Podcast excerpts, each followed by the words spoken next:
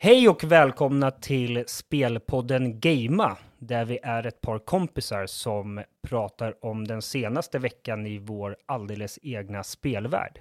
Jag heter Andreas och tillsammans med mig har jag mina kompisar Henrik och Michel. Hallå! Tjena, hur är läget? Ja, tjena, tjena. Det är bra. Uh, ja, jag tar väl första tjing här på att kolla av hur det är runt bordet. Um, jag har ju jobbat eh, två dagar den här veckan, nej tre dagar den här veckan. Sen, sen fick jag lite ledigt helt plötsligt. Eh, vad kan det bero på? Ja, God of War släpptes. Och eh, det är väl lite huvudämnet kanske den här podden för eh, veckans spel. Så ehm, jag det kommer hoppas... definitivt komma in mer på God of War. Ja, eh, och jag hoppas verkligen att eh, chefen lyssnade på podden så att jag fick den här ledigheten på grund av det. Men eh, Annars så vet jag inte om jag är oönskad på jobbet eller inte, men eh, jag, tar, jag tar nummer ett där som alternativ. Så du hade inte önskat någon ledighet? Eh, jag är alltid ledig eh, när jag får, om man säger så. Jo, men du hade inte skickat det i förväg? Nej, nej, Jag nej. skulle vilja vara ledig då om det går, utan Absolut. kom och... jag, jag frågar aldrig sådana saker mitt i veckan. Utan du, ba, du det, bara tar en ledig? Jag tar en ledig. De, de vet att jag har mycket ledighet kvar och så. Ja. Men det har blivit en hel del God of War för mig. Och eh, jag vill inte spoila saker i onödan, men vi kommer ju kanske att prata lite mer om det sen då. Det kommer vi definitivt göra. Eh, vi, är ju två här i alla fall som har spelat det eh, ja. ganska mycket, eller relativt mycket. Ja, du var ju på webbhallen-eventet.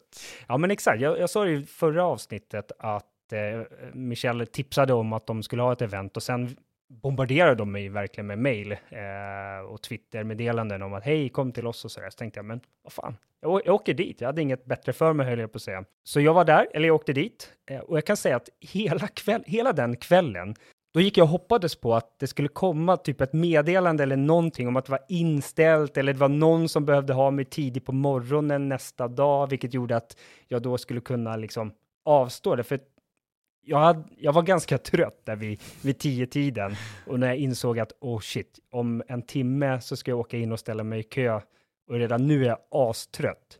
Ja, det var väl inte samma tagga eh, hype som, som jag hade för, för spelet som du hade då? Nej, där, där, jag ville ju primärt Eh, jag ville primärt åka och kolla liksom vad, vad det var för event, liksom, för de hade skrivit att det skulle vara eh, lite roligheter i samband med den här releasen. Så det var det, det primärt. Och sen hade jag faktiskt aldrig varit på webbhallen Medborgarplatsen. Har ni, mm. har ni varit där? Eh, bara köpt en kabel eller något sånt. Men, ja, men har varit jag har varit där i alla fall. Ja. Um, jo, det har varit en lite så knutpunkt att man har väntat på folk till. Ja, Michel då, bland annat. Ja, uh, men uh, det, det, är en fin affär. De har väl byggt om den, den på, webbhallen har ju ett nytt koncept. Eh, de hade bland annat stängt den här butiken i Mall of Scandinavia eh, precis när jag skulle hämta ett par hörlurar. Eh, så jag fick vänta ett par ytterligare veckor på de hörlurarna. Och då sa de att vi bygger om till det nya konceptet. Och eh, det nya konceptet är, eh, tror jag, att de inte har en sån här stor disk där alla står bakom, utan nu har de små diskar i butiken så att man går fram till den disken och så gör man sitt ärende så går de in på lagret och hämtar. Medan tidigare så var det ju liksom butiken var uppdelad typ i två sektioner. En där kunderna var och sen en jättestor disk, jättehög och bred och ja, och där var personalen och så gick de bak till, till lagret. Ah. Jag, tror jag, jag tror de är mer serviceinriktade nu, att nu kan de ju prata med kunderna ute i butiken och ja, hålla exakt. på. Förut var det bara sälj över disk då är de låsta bakom en disk. Då kan de inte liksom komma ut och pilla på varorna kanske lika mycket. Nej, jag tror att det är så. Och jag, jag vet att eh, vissa Kjell Company butiker, framförallt inne i stan, är så där också. Jag, jag fick ju definitivt en Kjell Company eh, känsla när jag gick in på det, både den i Mall of Scandinavia, alltså webbhallen, och den på, på Medborgarplatsen. Att det, det, de, de ser typ exakt likadana ut, förutom att webbhallen har lite mer spelrelaterat och eh, Kjell Company har sina... Eh... Jo, men jag kan faktiskt hålla med. Det är, Kjell Company för mig, de har alltid kunnig personal tycker jag. Jag tycker deras personal, de, de gillar att jobba med prylarna de säljer.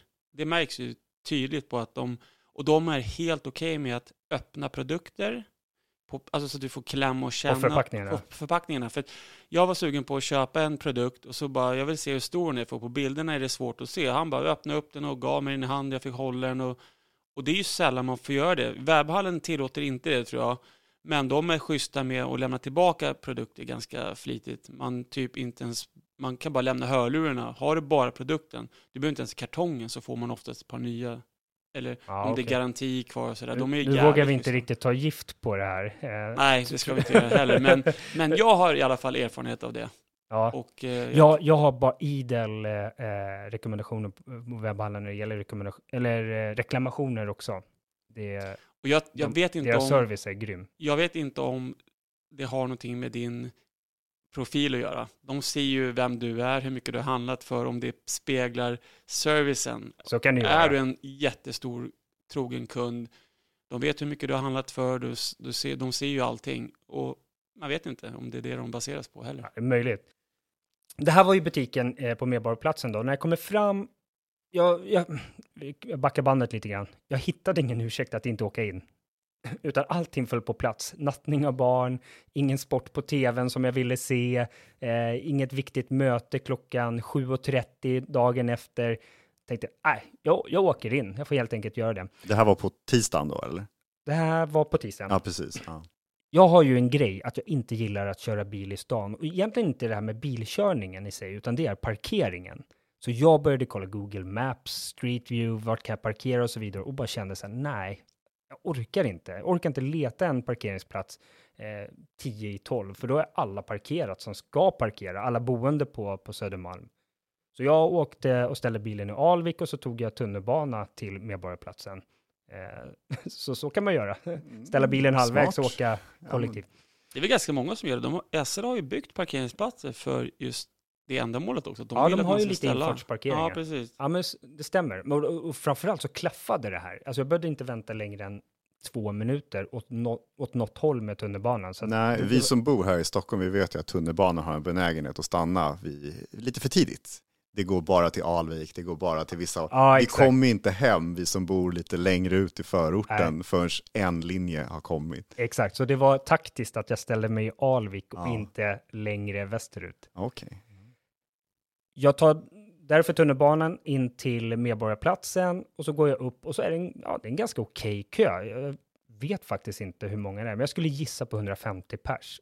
Eh, och då, eh, eventet ska ha börjat vid 10-tiden och jag är där vid 11 ungefär. Och jag ställer mig sist i kön och jag märker det att runt, runt omkring mig så är det bara så här eh, ensamma, precis som jag, ensamma köpare. Så folk står med sig hörlurar och lyssnar på, på någon podcast eller kollar på YouTube och så vidare. Jag fick ingen riktig inlevelse av mina kökompisar för alla... Det var ingen cosplay för, för Kratos eller någonting. nej, men det kom en, det kom en, en tjej från webbhallen och gick runt och sa, är det någon som vill bli målad? Så man kunde få en fin eh, röd färg i ansiktet, precis som Kratos. Eh, och jag såg det att det kom ju inte speciellt många efter mig. Jag skulle tro att, säg att det var 150 innan mig, så kanske det kom max 30-40. Så Bakom 200 mig. pers typ. Ja, så jag skulle säga att de flesta kom ju före, eh, före 11 när jag kom. Sen var det typ, det kom någon eldslukare och, och körde någon eldshow och det var lite musik. Och... Nej, nej, vi stod utomhus, sorry. Ah, Ja, vi stod ja. utan, för, för butiken var inte öppen. Så vi stod i en kö utanför och det var lite så här halvdåligt väder. Men det, det kom, när det kom lite regn så var det bara lite små droppar, så det, det var ju tur det då. Sen, ja, eh, de, jo, de kom och bjöd på cupcakes i kön också, webbhallen. Så att de, försök, de försökte verkligen, eh, det tycker jag. Men det var, det var inte alls samma hype som det var, det var när jag var på Playstation 4-eventet på Sveavägen. Eller du och jag, Michel, vi var inne på GTA 4-släppet. Då var det ju liksom Ja, det var, det kaos. var sjukt.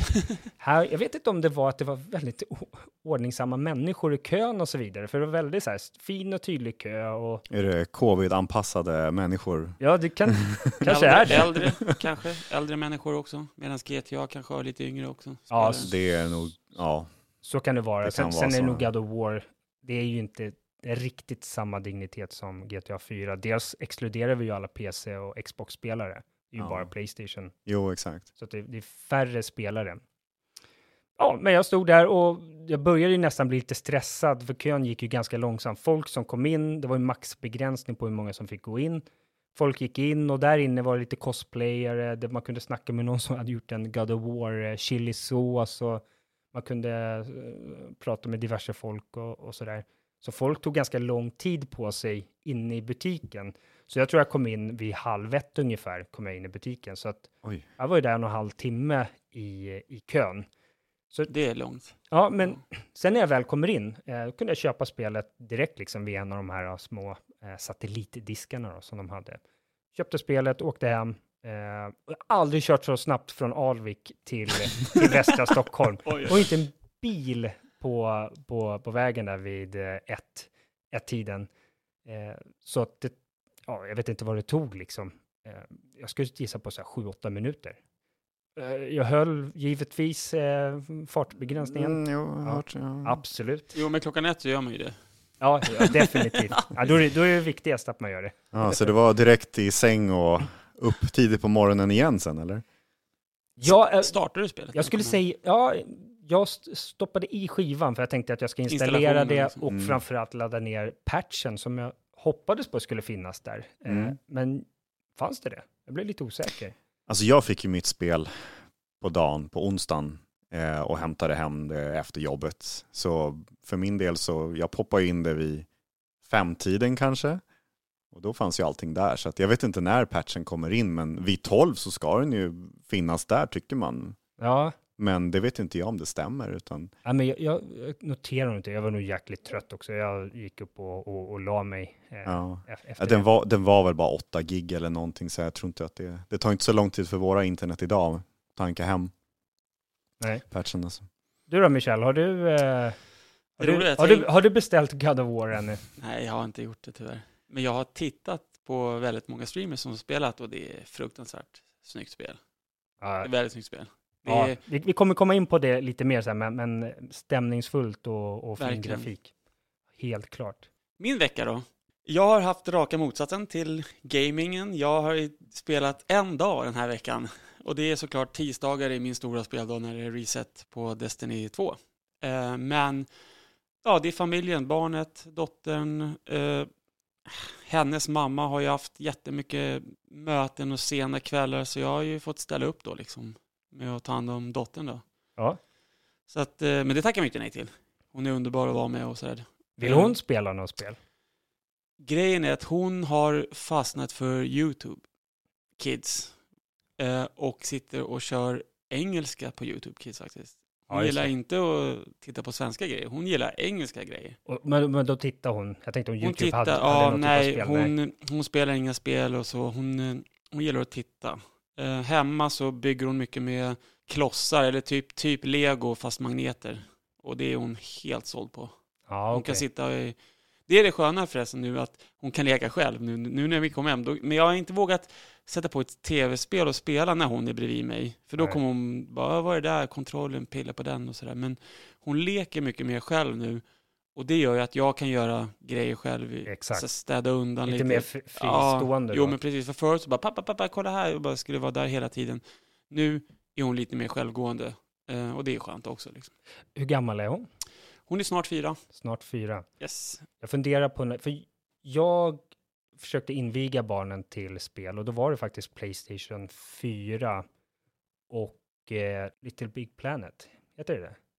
Ja, Sackboy. Sackboy, ja. Ja. Så jag, jag, gav, eh, jag gav mina barn varsin handkontroll och, tänk, och tänkte att det här är perfekt för er. Men handkontrollen var för stor för dem. Jaha. Så de, de klarar inte. Då, ska man hålla in, om du ska klättra på ett nät i Little Big Planet. Du ska Motoriken med händerna och Ja, men fingrar. du ska hålla liksom, in- ja.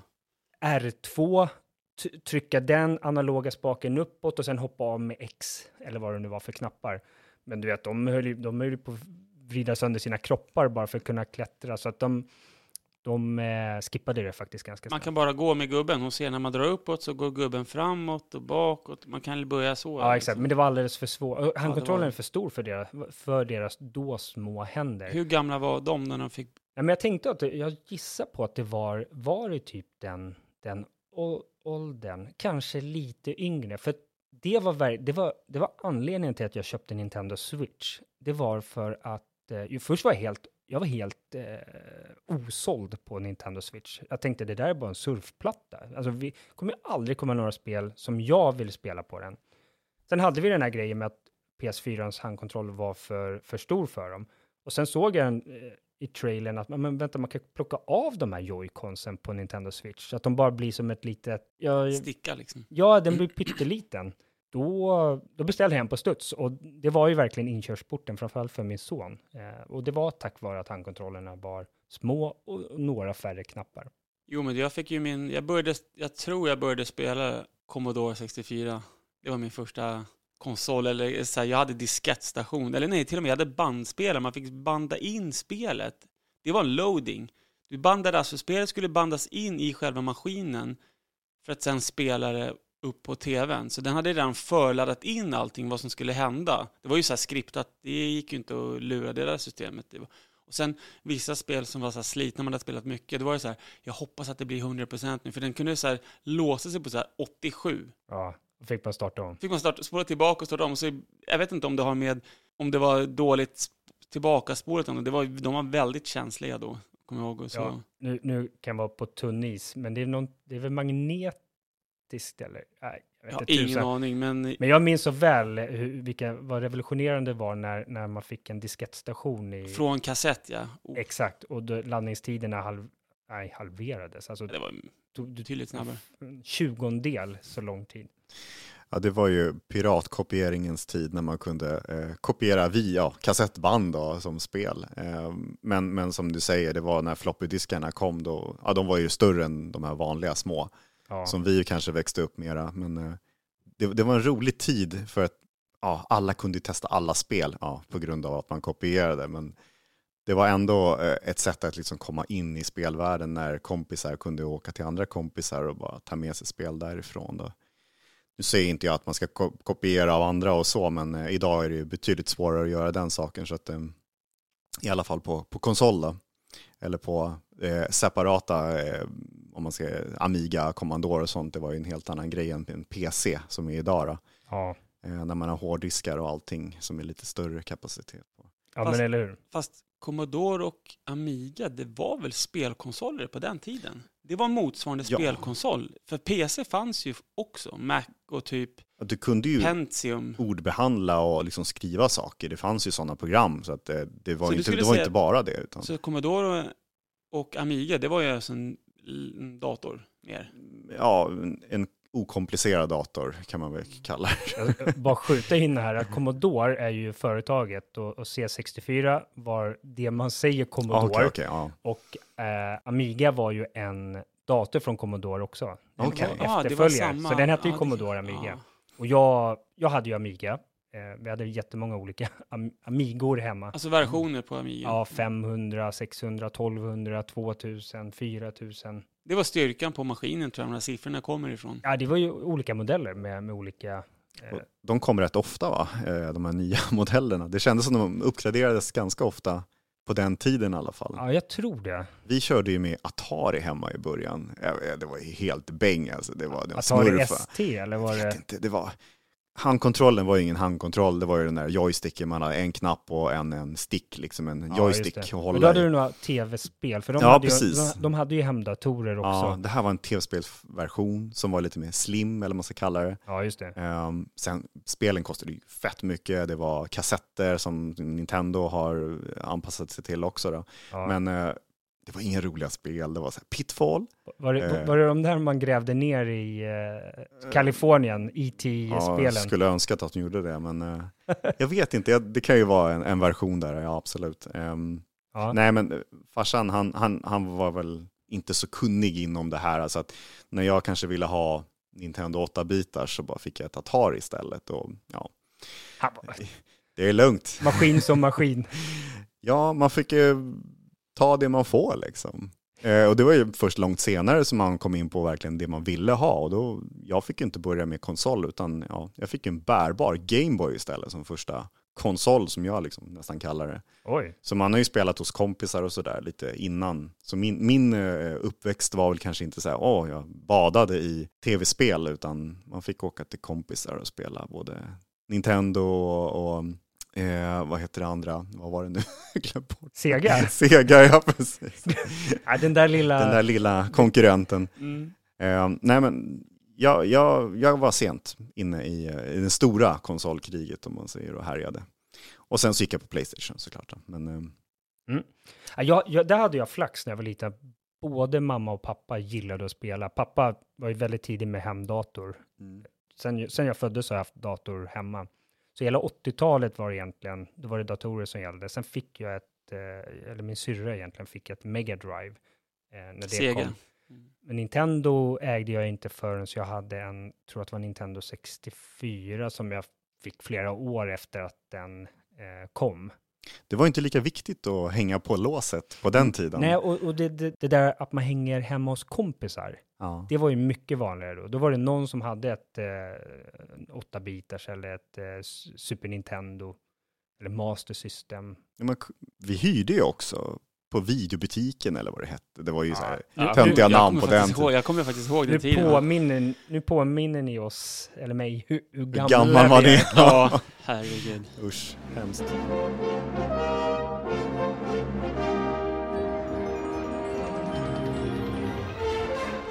Ja, det har ju hänt lite grejer i veckan här och vi har ju en del spännande spelnyheter. Vi har ju bland annat fått info från Take-Two Interactive att GTA 6 inte kommer att försenas.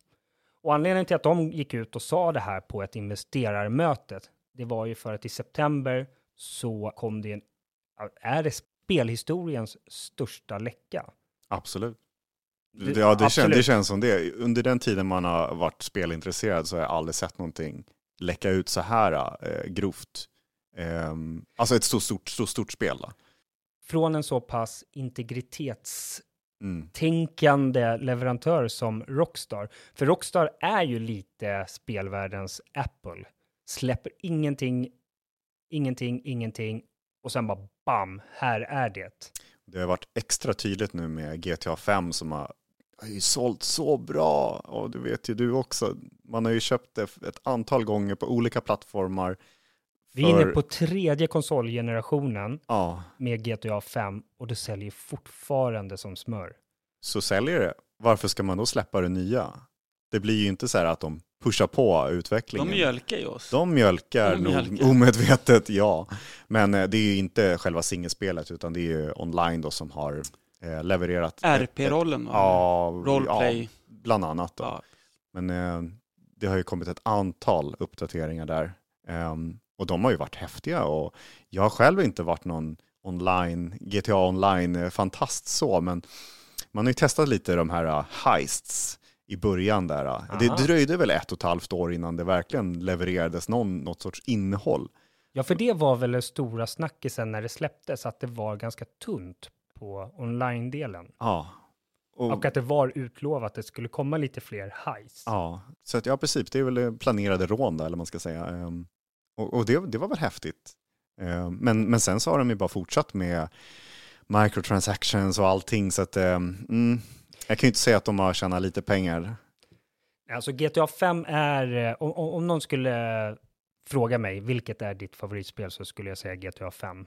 Och vad det spelet gjorde med, med spelmekanismen, med storyn, med att kunna hoppa mellan karaktärer och framförallt den här spelvärlden. Att du längst ner i söder har du Los Santos, den här stora staden som ska efterlikna eh, Los Angeles. Mm. Sen har du liksom kustremsan med Malibu och så vidare. Och vad det nu heter, GTA 5, det vet jag inte. Men sen kommer du till Sandy Shore eller vad det heter, där- där Trevor bor. Då är det lite, lite, lite ute på vischan. Och sen har du norra som påminner mer om liksom, ja, norra Kalifornien med lite mer grönska och sånt där. Nej, fantastiskt.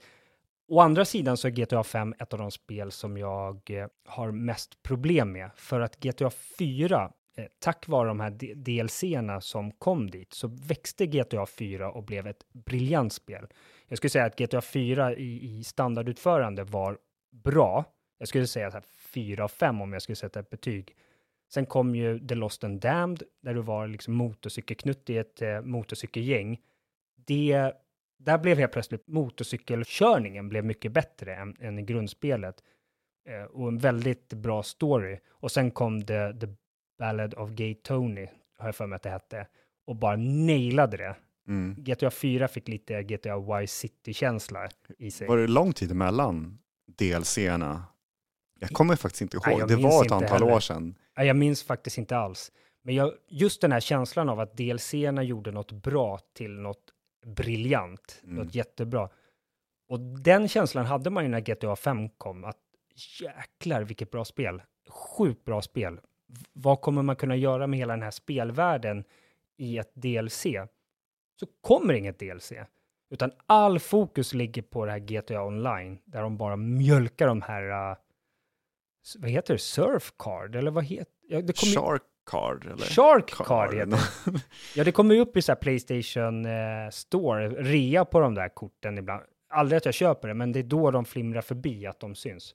Jag, jag testade GTA Online i 30 minuter och föll mig inte alls i, i smaken. Du kanske testade när det var nytt. Då var det inte så bra. Ehm, Så sen, sen- sen så får man ju liksom se det som, precis som Red Dead Redemption online var inte heller bra i början. Så jag vet inte varför de har, de har som en alfa, en pre-alfa-version man testar. Det känns inte alls som det är komplett och, och att de har tänkt på att folk får en, en bitter smak när man åker in i en sån värld första gången och bara, ah, ett och ett halvt år, då är det bra. Ja, det kanske dröjde ännu längre för GTA 5 online. Jag har faktiskt inte hängt med, utan eh, jag testade också i början och lite grann där när heisten kom och sen så har inte jag rört det. Även fast det har kommit DLC, eller man ska säga, patchar efter patchar med nytt innehåll. Jag tror inte jag har mer än tittat på lite roleplay eller något sånt där på Twitch och sånt, men annars så har inte jag varit någon GTA-anpassad människa, utan man glömde bort spelet då. Men trots allt så har ju GTA 5 sålts extremt många exemplar. Mm. Ni kanske såg mina anteckningar inför det här avsnittet, men om, om ni får göra en gissning, hur många... Ja, nu tittade jag. Nu, Sorry. Okej, och där såg du, fusk-Henke här. Ja. Eh, 170 miljoner exemplar. Och då gjorde jag en jätteenkel matteövning att om Rockstar och deras ägare Take-Two tjänar 150 kronor per sålt spel Mm. så har de gjort lite drygt 25 miljarder kronor bara på, Spelen. bara på liksom singelspelet i sig. Mm. Och sen lägg till alla GTA Online-pengar på det. Mm. Ja, otrolig kassako. With Grand Theft Auto Online, Rockstar Games is looking to bring the heart of the Grand Theft Auto experience to a living online world with multiple players. Just what you choose to do in that world is up to you. Så här var det, den här läckan i september, det var ju massa videos på kommande GTA 6. Och det var så här utvecklarvideos. Skärmupptagning när folk sitter och spelar utvecklarversioner för att se liksom hur uppför sig spelet när jag gör så här. Så att hooden, eller vad kallar man det?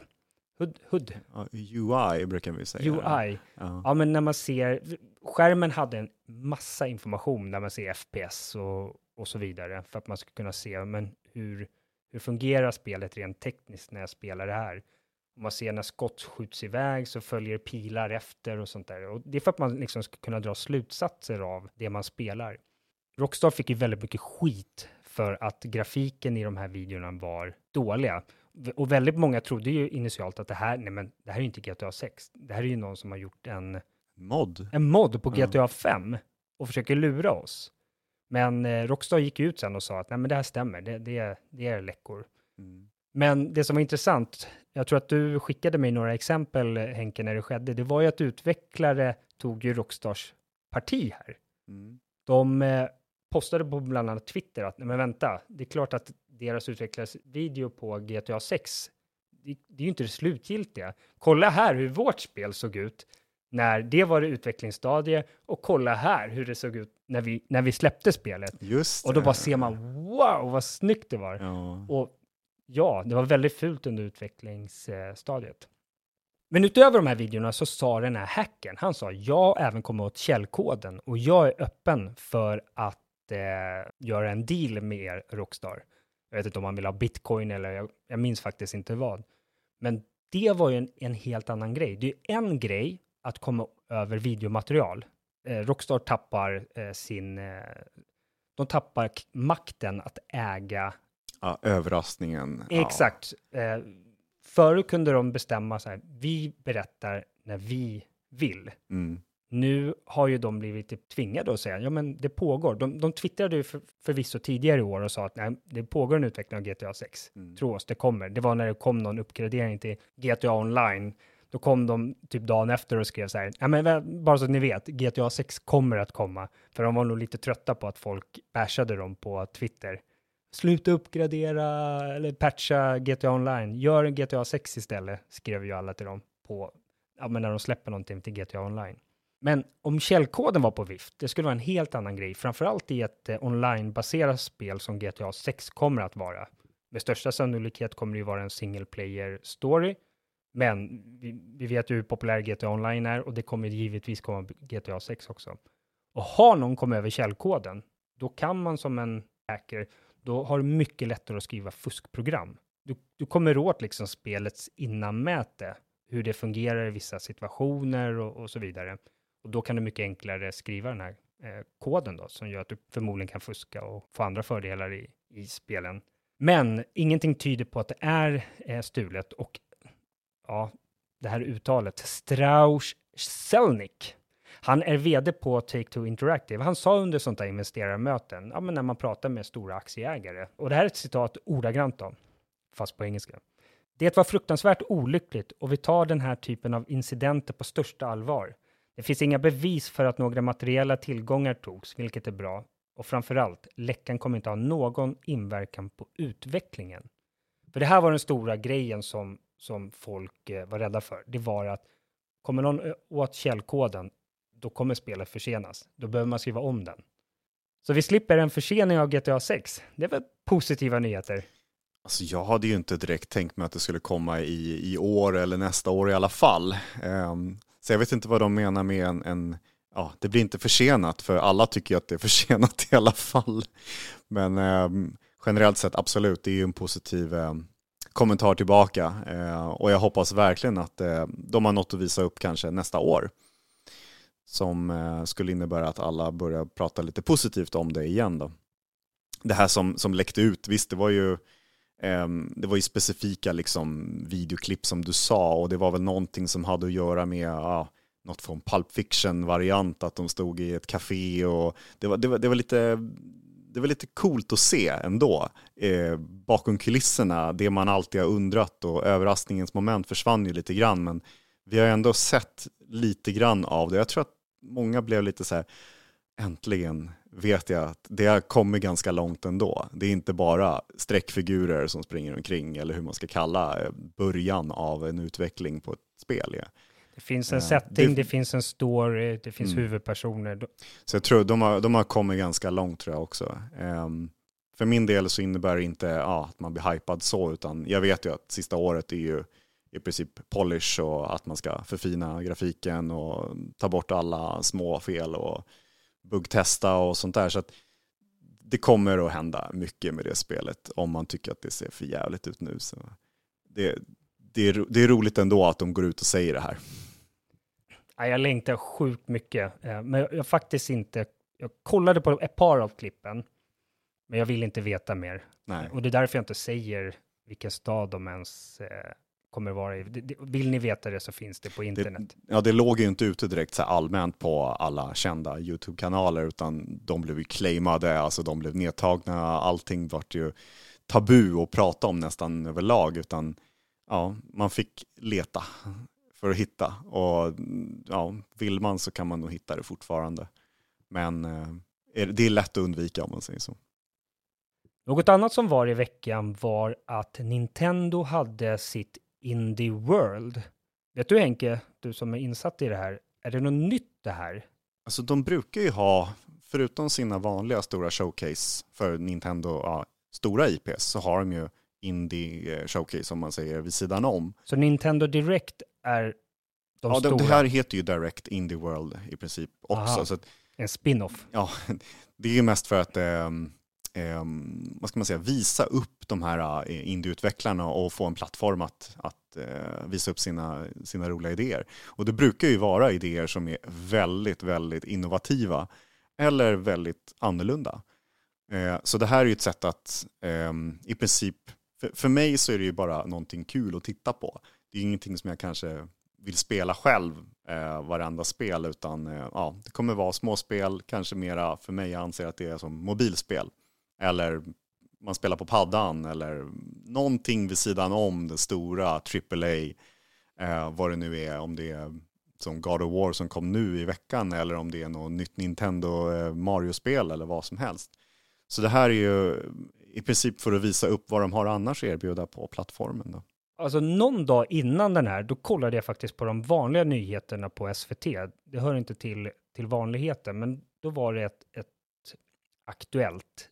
Och då var det eh, ordinarie nyheter i 25 minuter och så var det 5 minuter kulturnyheter. Och jag fick lite samma känsla här faktiskt, att de här stora Nintendo Direct, det är de vanliga nyheterna. Det, det är så här stora grejer som folk är intresserade av eh, för den stora massan. Och så kommer man till Indie World, det är kulturnyheterna. Där sitter någon, någon tjomme i eh, polotröja, det är lite dov belysning och så berättar de här kommer en eh, folkmusikartist från Venezuela och ska spela i eh, Strömstad. Det, det känns kulturnyheterna för mig. Och lite samma känsla fick jag vissa av de här spelen i Nintendo Indie World-dragningen. Eh, alltså det var så otroligt mycket flum i ett par av de där spelen. Så ja. Mm, man får ju ta det hela med en nypa salt om man säger, ja, vadå, vad är det här för konstiga spel? Men det finns ju guldkorn också. Ja, men det gör det. Eh, och då visade ju, ja, du har ju några anteckningar där på, eh, du kan ju dra dem som, som vi har liksom kanske favoriserat lite grann. Ja, och det första spelet jag fastnade för, det var det spelet som heter Have a Nice Death. Och det var ett, eh, ja, det var ett plattformsspel som jag uppfattade som att det var väldigt händelserikt. Det hände väldigt mycket på skärmen. Och det man säger i, i trailern där också, det är att man, i och med att man är döden, så kan du inte dö. Och det här är ju sådana här roguelike liknande spel. Och de går ju ut på att man dör och, och börjar om, att världen förändras. Så jag undrar hur de löser det här. När mm. du är döden, död. men kan inte dö. Ja. Ja, det... det där brukar alltid vara någon twist att ja, men du kan inte dö själsligt, men du dör fysiskt. Ja, och de här små trailersarna som visades, de, de är inte så jättelånga, utan de är mest för att showcasea bara hur det ser ut och själva gameplay mechanic och sånt. Så man kan ju inte visa story eller liksom alla detaljer, så man får ju liksom bara titta, jaha, det här ser gulligt ut. Ehm, jag vill veta mer, ja, då får man väl lägga det på sin intresselänk eller vad som helst och, och se när det kommer. Då. Många av de här spelen som presenterades, de var ju faktiskt eh, framåt i tiden, ganska långt, ja, nästa år och sånt. Då. Ja, det var ett par som typ släppts redan, ah, men sen ja. var de flesta framöver. Ja, men sen kom vi kom ju till ett här, Sports Story. Mm. Och det, det fanns ju ett tidigare som heter Golf Story, som i princip handlar om precis vad det låter som. Ja, golf, RPG, eh, man går omkring och nästan som en liten öppen värld, att man eh, eh gör lite stories och gör lite quester och sånt. Då. Men det här Sportstory, den tar ju många olika sporter och det liknade ju Zelda lite grann och det, det är väldigt gulligt och, och, och, och liksom intressant att se. Jag fick lite Stardew-känsla, men, ja, men, men, men, också Zelda som du säger. Pixel-variant på grafiken då, men eh, för mig så är det här ett spel som jag absolut skulle kunna tänka mig att spela på en padda eller en mobil. Eh, jag har ju ingen Switch själv, så det blir att man, man tittar ju på de plattformarna ah. som man har. Men eh, jag vill gärna testa det här spelet, ärligt talat. Ja, men, för det är lite intressant att de de börjar med, du kan spela volleyboll, du kan spela tennis och så vidare. Man bara, ja, vad kul, mm. roligt. Och golf inte minst. Sen bara, men du kan bli detektiv, du kan gå i mörka grottor och du kan eh, joina militäruppdrag. Jag undrar vart det här spelet tar vägen. Ja, ja vi får väl se, men det är ju ett, ett indiespel som släpps i eh, december. Så det är väldigt snart. Eh, men jag vet inte priser eller någonting så vi får väl se vad, vad resultatet blir där på, på om jag ska, kommer köpa det och köra det direkt. Då. Var de här Nintendo exklusiva Jag vet, jag vet inte. Eller? Det är ju det man ser på eh, deras trailer. Då är det ju bara Switch. Sen kan jag tänka mig att de presenterar lite senare att det kommer kanske till en annan plattform och så. Men jag hoppas verkligen att det kommer komma till någon, någon annan plattform som jag kan spela. jag får väl låna ditt Switch där kanske. Absolut. Vi såg ju ett annat spel också. Ja, eh, ett spel som vi båda föll för. Yes. Vi nästan säga det i kör? Pepper Grinder. Eh, Pepper Grinder, ja. Det, jag tyckte det såg väldigt flummigt ut. Först fattade jag inte vad... Spelar man som en borr? Ja. För det var det man typ gjorde på spelet såg det ut som. Man borrade sig ner i världen och ner i sand och in i berg och så vidare. ja, det såg väldigt intressant ut just för att det var så annorlunda. Men det är väl ett momentumspel då, där man ska liksom eh, åka runt lite som en berg dalbana med borren i olika material. Där man ska skjuta, där allting kan hända verkar det som. Och det var ett äventyr som jag föll för också. Även fast det är pixelgrafik på det här också. Ja, så det jag uppfattade av storyn är att man är typ en skeppsbruten och rånad skattjägare Mm. som ja, heter Pepper. Och Pepper Grinder, det är förmodligen något engelskt för, för borr eller liknande, gissar jag på. Ja, ja, fråga mig inte. Nej. Hon har i alla fall en sån här jättelik borr som hon ja, typ navigerar sig runt på banan. Och precis som du säger, det påminner lite om vad heter det, Super Meat Boy.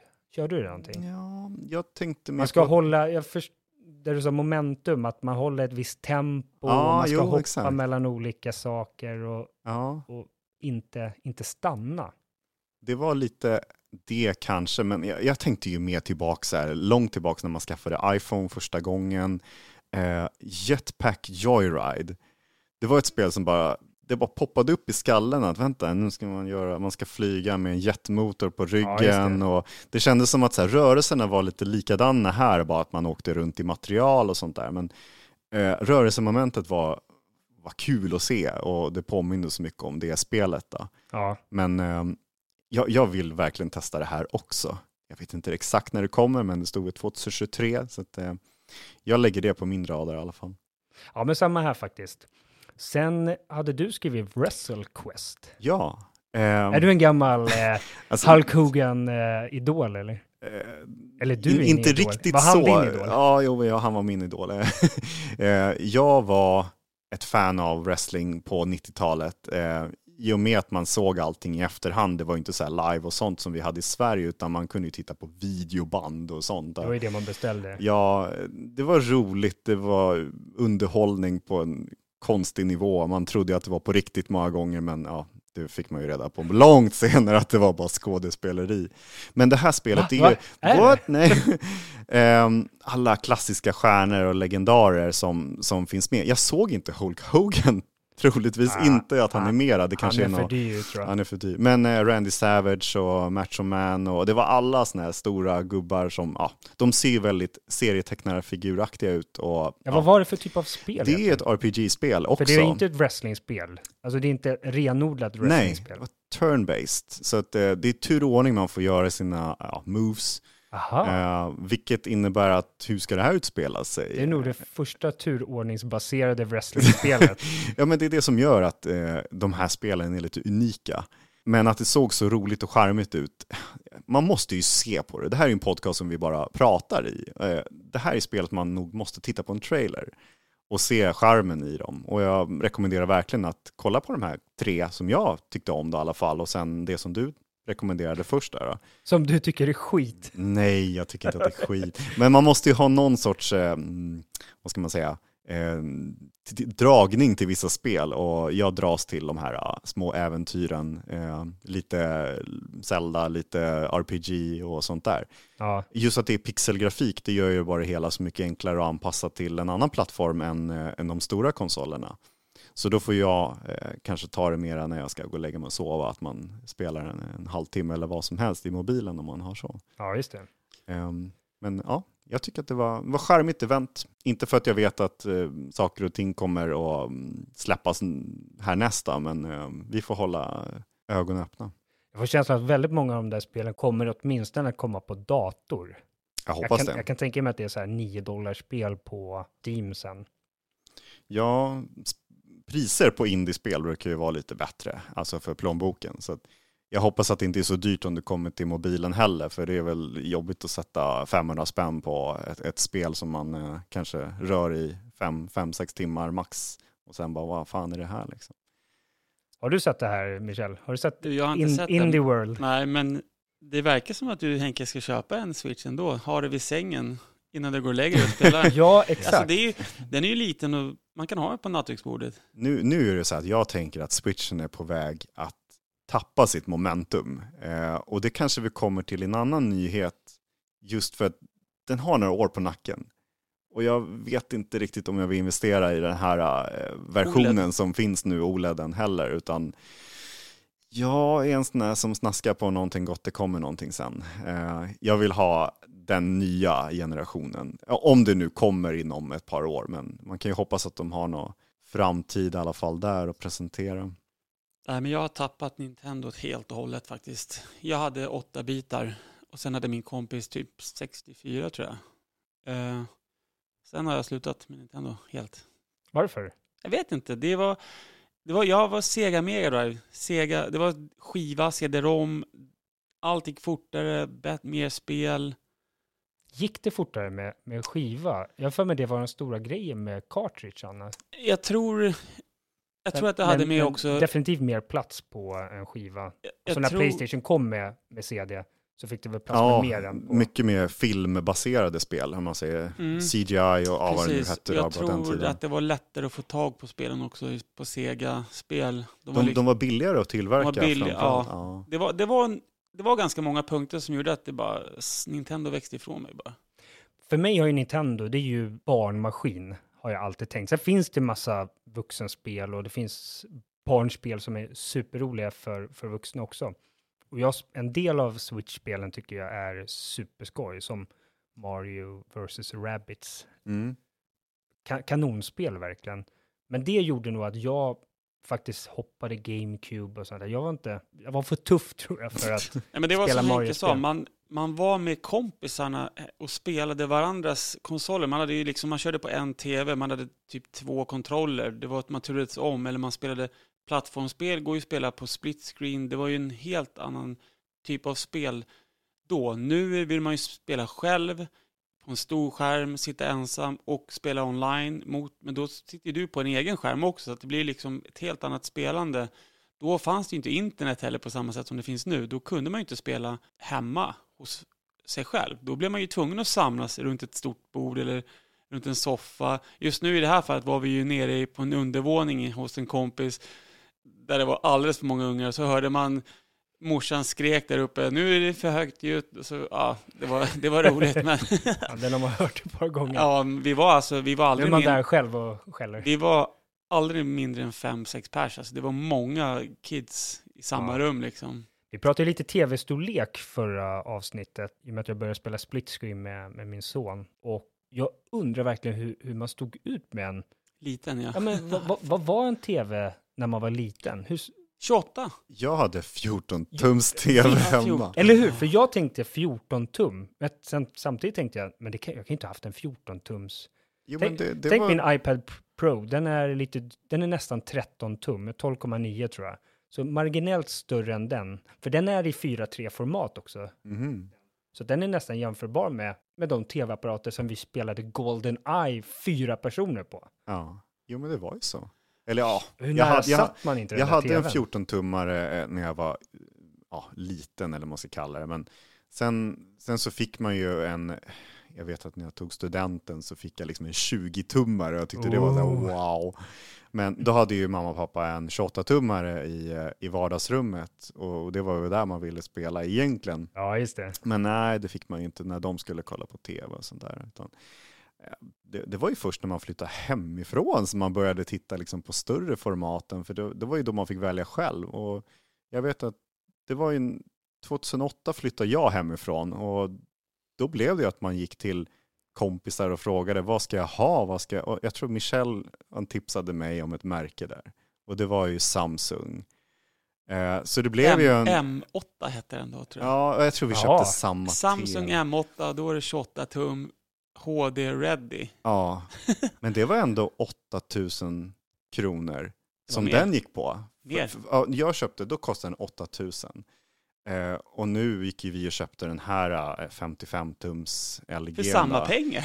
Nej, vi, vi gav lite mer, men den har ju gått ner lite pris eh, på reor och sådär också. Men eh, hur, hur priserna har reglerats och sådär med tiden är ju helt sjukt jag vet inte vad min 14-tummare kostade i början, men det var nog inte så lite ändå. Ja, på den tiden var ju en annan värde på kronan och så. Ja. Men det var, det var ett privilegium att ha en stor tv. Eh, man kan ju inte skryta med det liksom. Så som Michel sa, spela fyra personer på samma skärm. Ja, man fick ha förstoringsglas. Ja, man satt nog bara ett par decimeter från skärmen. Ja, men det roliga, min tv kunde jag inte ens spela på för den fanns inget, det fanns inte utgång eller ingångar till, jag hade alltså en tv som hade en CD, alltså en DVD-spelare under tvn fast i ett. Så att Ah, det var en sån, alltså väldigt liten tv jag hade också i, i mitt rum. ja, just det. Eh, för Ja, för jag, när jag och min fru blev tillsammans back in the days, då hade hon en en 14-tums tv med inbyggd kassettspelare. Sjukt. Säkert jättehet när den kom. Ja. Nu är det dock andra skärmar man kan spela på. Eh, vi pratade i förra avsnittet om Playstation VR 2 och nu har det ju kommit en prototyp på ett nytt VR-headset. Det är grundaren av den ursprungliga Oculus Rift, det vill säga det headset eller det företag som eh, Facebook sen köpte upp, som har gjort ett, eh, ett headset som har en liten speciell twist vad, vad händer, Henke, om du, om du spelar med det här headsetet? Ja, alltså när jag läste den här nyheten, vilket kanske är en, det är ingen så nyhet som, som slår stort ute i världen, men det var en rolig grej kan man väl säga. Men inte roligt för den som använder det, eftersom eh, headsetet är gjort för att eh, ta död på en om man dör i spelet. Så det låter ju inte så trevligt. Det var ju helt makabert. Eh, prototypen som man gjort, har liksom tre rör som sitter vid panneloben som fylls med sprängladdningar. Så när du spelar ett spel, dör i det spelet, då har tillverkaren av det här headsetet, då har han programmerat att då sprängs det, åker in i hjärnan och du dör på studs. Puff. Puff, vad ja. sjukt. Ja, det- Helt sjukt. Det här hoppas man ju absolut inte kommer ut på marknaden utan eh, eh, det känns mera som eh, ter- terroristvapen nästan att man ska tortera folk med ja du får sitta och spela det här tills du dör. ja alltså Lycka till, till! Tillverkaren är Palmer Lucky, han som gjorde den ursprungliga Oculus Rift. Han är tydligen fantast av en japansk anime-serie. Säger man så? Anim, anime? Anime. Serie som heter Sword Art Online. Vars premiss, alltså storyn i den, eh, i den serien, är att det är spelare som har hjälmar på sig och ska klara en massa nivåer. Och gör man inte det så dör man. Så det här är ju på något sätt en, en hommage till det. My name is Akihiko Kayaba. The reason I created Sword Art Online was to control the fate of a world of my design. Och om vi ska vara helt ärliga så är det ju, det här är ju en prototyp. Det här är ju ingenting som någonsin skulle kunna godkännas på, på marknaden. Nej, men vad ska man säga? Vi har pratat om det, det är PR. Det är Men- självklart att han kommer att nämnas på andra sätt. Att han har Vilken gjort jävla det här. fantasi man måste ha för att komma Ja, på en sån herregud. grej. Ja, han var, han var så, Gillar man döden eller? ja, men han var så initierad i intervjuerna. Han var verkligen så här, jo men jag kommer halvvägs, nu ska jag tweaka lite på hur sprängningen går till så att jag får ännu större effekt. Mm. Jättekonstigt. Han jobbar tydligen inom eh, den amerikanska försvarsindustrin numera, så att det här är väl någon arbetsskada eller någon fetisch han har. Det är hans hobby alltså. Men jag tänkte på det, jag, när jag varit i USA så har jag gått på sådana här 4D-biografer. De finns oftast på så här Disneyland och, och Universal Studios. Cosmonova, eller? Nja, det är att du, du går in i som en biosalong, sen, sen får du lite fler sinnen än bara bild och ljud. Utan det kan komma lukt och det kan komma stänk och så kan det finnas saker i eh, Som rör sig va? i, alltså precis, sätet rör sig så att det, det finns en massa sensorer och, och mackapärer i sätet som gör att du, du flyttar på dig. Jag kommer ihåg just, jag var på Småkrypsliv på Disneyland och när den avslutades så sa berättarrösten typ, sitt kvar allihopa så ska bara våra vänner gå ut. Och då var det en massa piggar i sätet som åkte upp, precis som att myrorna gick under rumpan på en. Och det här tänkte jag, det här är ju ingenting som, som riktigt finns det här överhuvudtaget? Finns det några andra saker än bara liksom VR, att du har skärmar på ögonen? Jag skulle vilja ha lite lukt och lite andra sinnen inblandade i spelet. tror inte man vill ha lukt så, men Nej, jag ehm, jag kan tänka mig bara... Tänk att gå i katakomber i Quake och så luktar det grönmögelost. Eh, nej tack. Lik. Ehm, ja. Höger med lik. Och, det, det är väl inte så kul att simulera döden kanske, att det ligger lik och så, men ehm, jag kan tänka mig bara att det, att det rör sig, liksom, som du sa där under, under arslet, då, med att det trippar på små myror. Men eh, rumble packs som finns idag, man kan sätta på sig som västar eller ha någonting i stolar och sånt, att det Ja, vibrerar det. om man blir skjuten eller om, ja. VR är ju så mycket mer än, än bara det vi ser och sånt. Ja, utan- just det. Så det handlar ju mycket om att få en, en överraskning kanske i, ja, i kroppen. Ja. Eh, basreflex, liksom att det vibrerar eller vad som helst. Det skulle göra ganska mycket för upplevelsen. Men sen så vad de kommer på i framtiden, det vet inte jag. Det kan ju vara att de kopplar in sig i hjärnan, att man inte behöver göra något, att man upplever, det finns ju filmer egentligen där du sätter på sensorer och så upplever man någon annans upplevelse, ja, döden också, eh, utan att dö själv. Men eh, det är klart att det finns en framtid i utvecklingen. Sen så beroende på hur mycket människor vill ha den och hur mycket teknik som krävs. Men VR idag kommer nog inte anpassa sig på länge till sådana saker. Vi, vi har ju svårt bara att göra det vi gör idag. Liksom. Ja, men exakt. Jag, jag var på det här nya VR-stället i Mall of Scandinavia. ja, jag tänkte precis nämna det. Någon som har testat det? Ja, jo, men jag var där med en kompis och eh, vi, vi hade några år tidigare gjort en, eller varit på en liknande upplevelse i eh, eh, Orlando, på Disney Springs där, då fanns det någon sån här Star Wars VR. Den var dock, eh, där hade du typ en dator i en ryggsäck, eh, för då hade tekniken inte kommit så långt. Nu finns ju väldigt mycket av tekniken i själva VR-headsetet. Men då hade man typ en laptop på, på ryggen och sprang runt. Men det här på Mall of Scandinavia, då, är, då har du ett VR-headset och så går du runt i en miljö eh, fysiskt. Och sen har du VR-världen som projiceras i VR-headset. Olika rum, typ. Ja, exakt. Det här är dock väldigt lite på Mall of Scandinavia. Det här som var i Orlando, det var, då klättrade du liksom över saker. Du klättrar över typ bara massa bråte, eller det, det är bara en tom lokal egentligen med, med typ boxar och sånt där. Men i VR-headsetet, då, när du klättrar över, då är det som att du klättrar in liksom i ett rymdskepp och så. Men då jobbar man väldigt mycket med, eh, med lukt och med värme och kyla. Att du går in i något kallt. Då blir, då, det är som att det är något kylaggregat som... Ja, det kan jag Det är tänka coolt. mig. Ja. Ja. det kan vara jävligt coolt. Men det är nog väldigt svårt att göra det här för hemma, hemmabruk kan jag tänka mig. Ja, Det, Det- finns ju en till eh, VR-center typ i nära vårt jobb som heter VRX, tror jag. Ja, i VRX. Bromma där någonstans. Ja. Det är också så här, de, det man har sett, jag har inte varit där och kört, men det man har sett, annonseringen och så här, det ser ut som att det är också så här rum, att det är bara en stor lokal, helt tom lokal och så sätter man på sig och så ska man röra på sig för du, pro, när du går så progress du i skärmen också, så att du går i skärmen när du går på riktigt, så att du ska ha mycket yta Ja, här tydligen, så att du ska göra grejer i rummet då, som gör att det syns, för oftast VR hemma, du kan ju stå stilla och bara flytta på det och gå liksom med, med spakar. Här måste du fysiskt gå och klättra, Ja, ducka. Så jag tror att det, det kan vara coolt med sådana Den, VR-projekt. den får vi testa. Den här i uh, Mall of Scandinavia gick nog på en 500 tror jag. Det är fyra personer, va, stod det. Jag har gått förbi där några gånger, det stod så här, max fyra personer Ja, i ma- grupp, typ. Max fyra, ja precis. Men sen, jag tror alla får betala sin, sin del. Alltså det är ingen mängdrabatt, utan jag tror man betalar per, Per gubbe, person. Jag liksom. tror det var en 500 men kul att testa. Sen är det, alltså den här i Mall of Scandinavia, det ska ju vara typ det senaste tekniken, men Var det dåligt?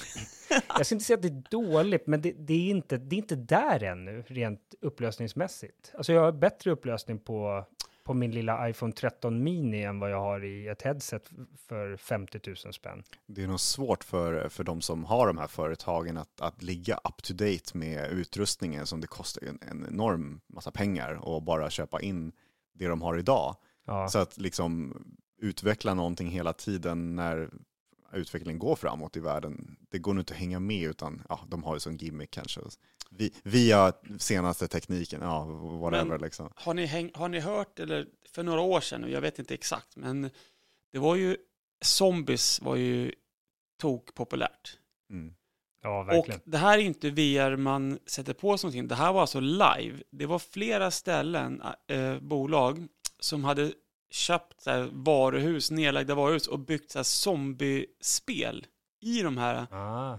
Och så i, man är alltså live, man går in, du har en entré, du går in här och sen ska du lösa uppdraget i rummet. Det finns olika nivåer man går vidare på liksom. Och så Det är ska, som något avancerat spökhuset. ja, typ. det, det är alltså live. Du, du möter alltså riktiga personer som är zombies. Det är inte jävla påhitt data här nu. Det är alltså fysiska människor som är zombies och ska hindra dig till att göra uppdraget. Och det finns olika svårighetsgrader på det här och olika företag som ska alltid vara extrema. Men jag har hört att det var ju en svensk person som gick bort här, Adam Alsing. Han åkte iväg till USA och, i, och spelade världens svåraste zombiespel. Okej. Och han klarade inte det. Han kunde inte klara det. Vi ska bara tillägga, det var inte där han dog. Nej, nej, nej, nej, det var inte där han dog tyvärr. Han dog av eh, sjukdom. Covid, tyvärr. Precis. Men han gillade det här, det här konceptet och att han åkte runt och testade och han Mhm. klarade inte det här spelet för att han blev för rädd eller han, det var för läskigt. Så han avbröt. Asså, Ja. Jag, jag, jag fick aldrig chans, jag testade aldrig det här, men jag har hört att det, det fanns typ här i Sverige också, på, ute i, på landet då. Men det var någon trend som har dött Det var någon nu, trend, eller? jag vet inte om det finns kvar, men det var typ ett aktivitetscentrum. Och så hade de det här Zombie Walk, tror jag det hette, eller det hette Ah, okej. någonting, det hade ett namn. Och det var skitmånga som försökte på det här. Men det var några som lyckades göra det bra. Jag vet inte om det finns kvar. Det Ja, vi, vi, skick, vi skickar en, eh, en uppmaning till våra lyssnare. Vet ni om det finns något sånt här så uh, mejla oss på respons gamapod.se så följer vi gärna upp där. Det vore kul att testa, även om jag har lätt skrämd och är inte jätteförtjust i fenomenet zombies. Det, I spelsammanhang och filmsammanhang tycker jag att det är lite för enkelt att bara säga att en massa folk blir infesterade och, och vill gå och äta upp andra människor. Kan- Han blir smittad, typ. Ja, exakt. Och jag tycker premissen är densamma i alla de här typ filmerna och spelen. Jag är ingen skräckfilmsfantast heller när det gäller sånt, utan eh, jag kan titta på andra som blir rädda. och då får man väl ta med sig eh, kompisar, för man, eh, man blir inte lika rädd i grupp, tror jag inte. Utan det är när man är själv kanske och tittar på film eller om man eh, upplever sånt här på egen hand. Då kan det nog vara lite mera mm, vad ska man säga, skrämmande. Men eh, när man är tillsammans så blir det ju en annan känsla och det är väl det man ska ta sig an tillsammans mot en, en, en- uppgift. Jo, men jag tror att det var just så att man var typ ett lag. Man gick Ja. in i, den här, i det här uppdraget tillsammans, fyra pers, och så skulle man lösa liksom problemet och så kommer det zombies, så ska du slå dem eller putta dem och gå vidare till nästa. Och så. Det, var, det var lite som Escape Room. Vi har ju kört Escape Room. Du, Ja, jag har aldrig kört Du har aldrig Escape gjort det? Room. Okej, jag Nej. får med att vi gjorde det. Men det var skitkul. Då gick man in i ett, som ett lag och så helt möblerat rum och du får Med massa grejer på du får väggar massa och grejer, du bord. får, och... precis, du, du får alltså, du har fria händer på det, men löser du inte, de ser ju dig, kamera, infraröda kameror, de ser, när, om inte du, om du kör fast så kan du fråga om ledtrådar och det kostar tid. Och det gäller Ah, att okej. komma ut så fort som möjligt. Det här var skitkul, det kan jag reko- varmt rekommendera till våra lyssnare, att prova Escape Room, det var jätteroligt alltså. Och så finns det olika teman i de här rummen också, tror jag också. Vi, det finns fyra rum enligt de här aktörerna som driver det här, men vi provade ett och vi kom faktiskt med på highscore-listan, så det var ju kul. Alltså där. Men det var riktigt kul faktiskt. Ja, jag får testa något sånt där. Men jag tänkte Henke, vi pratar lite samarbete och zombies. Och du skickade en länk till en trailer, ett spel som jag helt hade missat faktiskt. Att det var ett spel som skulle komma, komma ganska snart tror jag. Ja, precis. Eh, Evil West. Ehm, Jag är ju ingen trailerkille. mm. Jag tycker oftast att trailer avslöjar lite för mycket. Men okej, GTA 6 trailer, den, den längtar jag till och så vidare. ja. Men spel som jag inte hört talas om och som jag inte är så taggad på, där brukar trailers inte ha någon speciellt stor effekt på mig. Men den här trailern, alltså jag hade typ gåshud. Den här, det, det, det här var nästan övermänskligt bra. Ja. Ja, jag, jag blev också såld egentligen. Ja, Ha- Hade du sett jag det innan? ja. jag, jag har sett det, eh, det, det, om man säger det premiärades en, en, en trailer för, för länge sedan om man säger. Men de här är ju mera in på release. Det här släpps ju den 22 november. Så det är ju väldigt snart och det är väl någonting som är på horisonten för att spela ja, framöver då. Welcome to Evil West. A dark menace consumes the American frontier. Rise up to become a Wild West superhero and eradicate the vampire threat. That's mine.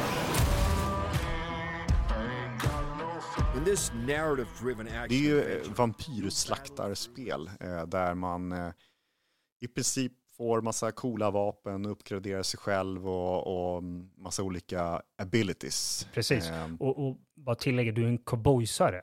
precis, det är ju vilda västern eller vad man ska kalla det. Eh, Exakt. Och själva utseendet är väl flashigt liksom. Det, det är mycket som händer på skärmen och så. Det finns ju också ett co-op mode som de visade upp här nyligen. Och det påminner ju så mycket om ett spel som, ja, nu är det samma story som Fallout 76, att vi började spela lite grann. Eh, Remnant from the Ashes eh, kom för ett antal år sedan. Då. Eh, det är tredjepersons eh, shooters, ja, slasher, jag vet inte. Typ, om- inte hack and slack, men det är... Nej, precis. Man kan, man kan ha ett, ett antal olika vapen också och skjuta på långdistans. Men eh, det här påminner så mycket om det med själva konceptet att abilities och man levlar upp och sånt där. Eh, nu kom inte vi så långt tillsammans på, på samma veva att vi fastnade och det blev frustrerande, det var för svårt och sen fortsatte jag själv.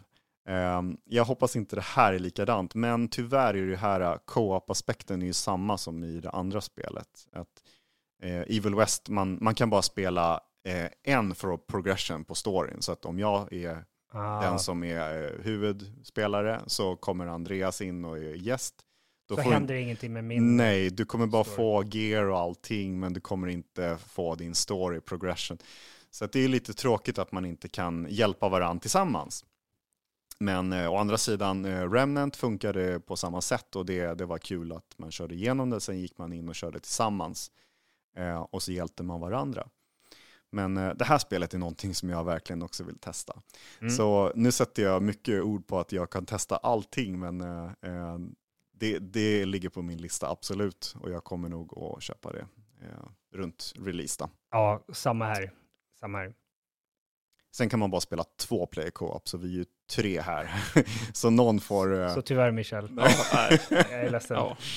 Fan. Ja, men Alltid jag, så. jag älskar öken. Eh, Jag brukar ju åka till Las Vegas en gång om året och, och jag spelar ju inte. Jag tycker inte om att spela... Gambling pratar vi om Ja, nu. Ja, precis. Ja, exakt. Ja, exakt. Det är andra typer av spel. precis. Nej, jag spelar ju ingenting. Jag, jag förstår att det där, det, det är kasinot som vinner om jag börjar spela. Dels för att jag är urusel på att räkna ut odds och grejer och sen är spelet uppbyggt på det.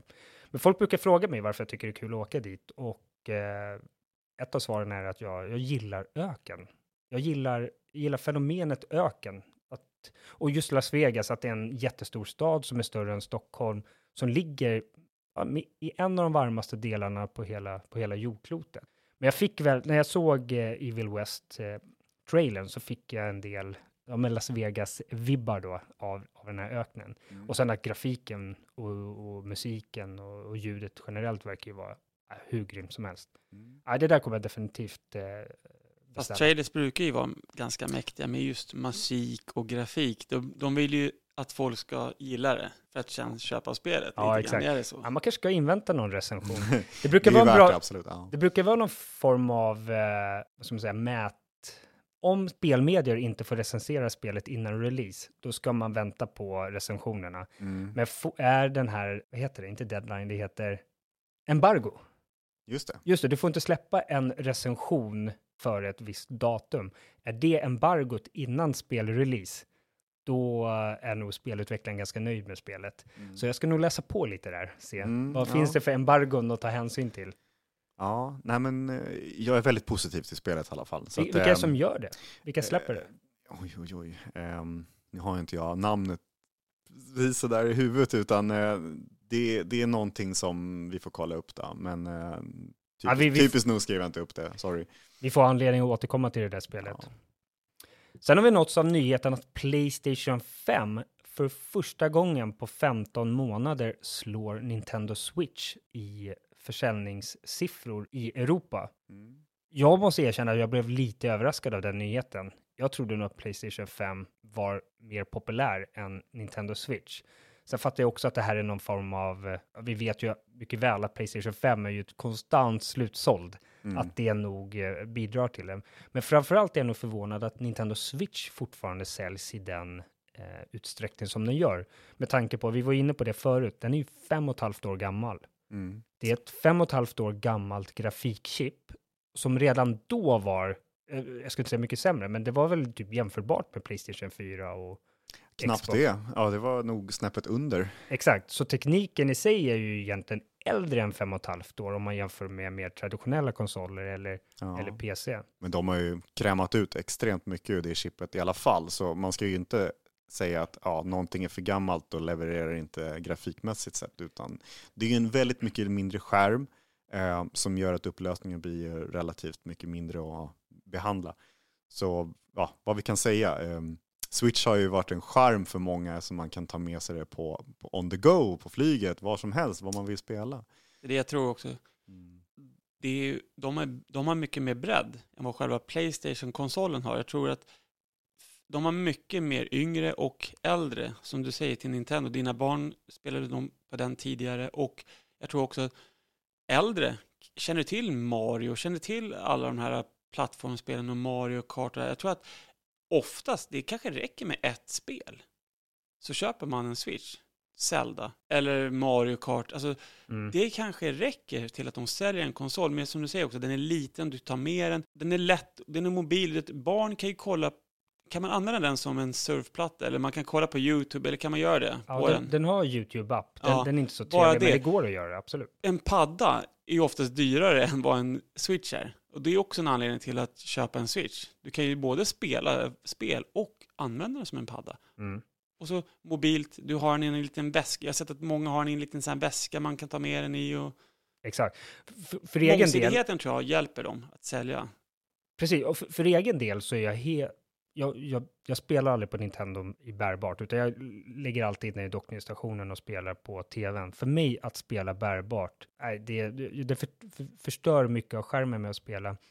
Jag fick eh, ett mejl här från eh, eh, Steam för någon månad sedan som sa du har ju förbokat Steam Deck. Ska du inte, ska du inte ta och köpa den nu också? För nu finns den tillgänglig för dig. Och då avbokade jag den faktiskt. Dels hade ju den här uh, hypen gått över lite grann.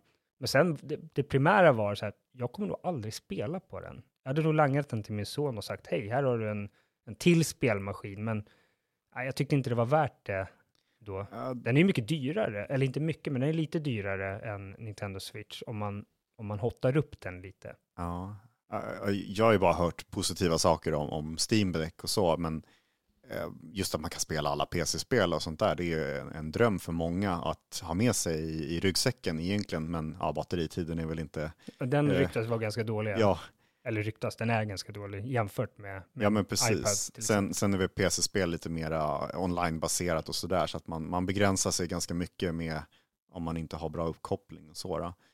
Sen har vi ju Switch-frågan där, eh, OLED-skärmen, har du sett den, hur den ser ut? Nej, jag har faktiskt inte gjort Det är det. det som många pratar om. Det gör ju natt och dag. Att det är na- som natt och dag. Ja, så där har du nog gått miste om någonting om du tänker sig att ja, Switch har ingen bra skärm. Mm, jo, de har ju en jävligt cool uppdatering på den Ja, den kanske är det. För Switch kom ju 2017. Mm. Eh, sen kom det en light-modell som inte går att docka, utan du kan bara spela den bärbart. Den kom 2019. Och nu för ganska precis ett år sedan kom, kom ju den här OLED-versionen av Switch. Mm. Men jag förstår inte varför man inte riktigt har uppgraderat hårdvara och så vidare. Eller jag förstår det, man vill ha en, man vill ha en bas. Man vill att Mm. alla Switch ska ha samma hårdvara. på samma plattform. Det är som bilar. Många bilmodeller byggs på samma plattform, så byter de ju bara uppedelen, karossen. Liksom. I det här fallet är ju för att uh, underlätta för speltillverkare att alla har samma hårdvara. Ni behöver inte, behöver inte bygga olika versioner av spelet beroende på vilket grafikchip eh, Mm. den har. Ja, exakt. Men jag tänkte en Switch-frågan där. Jag, om jag ska köpa en Switch, då vill jag spela bärbart. Jag tror att det är det jag känner så här. Jag, jag vill inte docka den och spela på tv, då har jag ju mitt Playstation. Men jag tror att jag, jag har ett mobilspel jag spelar på ibland när jag väntar på tuben eller pendel eller någonting. Men jag tror att om det är någonting jag vill spela bärbart så är det nog en Switch jag vill ha i sådana fall. Jag ser aldrig någon spela på en Switch. Jo, jag har, jag har en kille. Det var därför jag sa att han hade en här liten väska han bär på.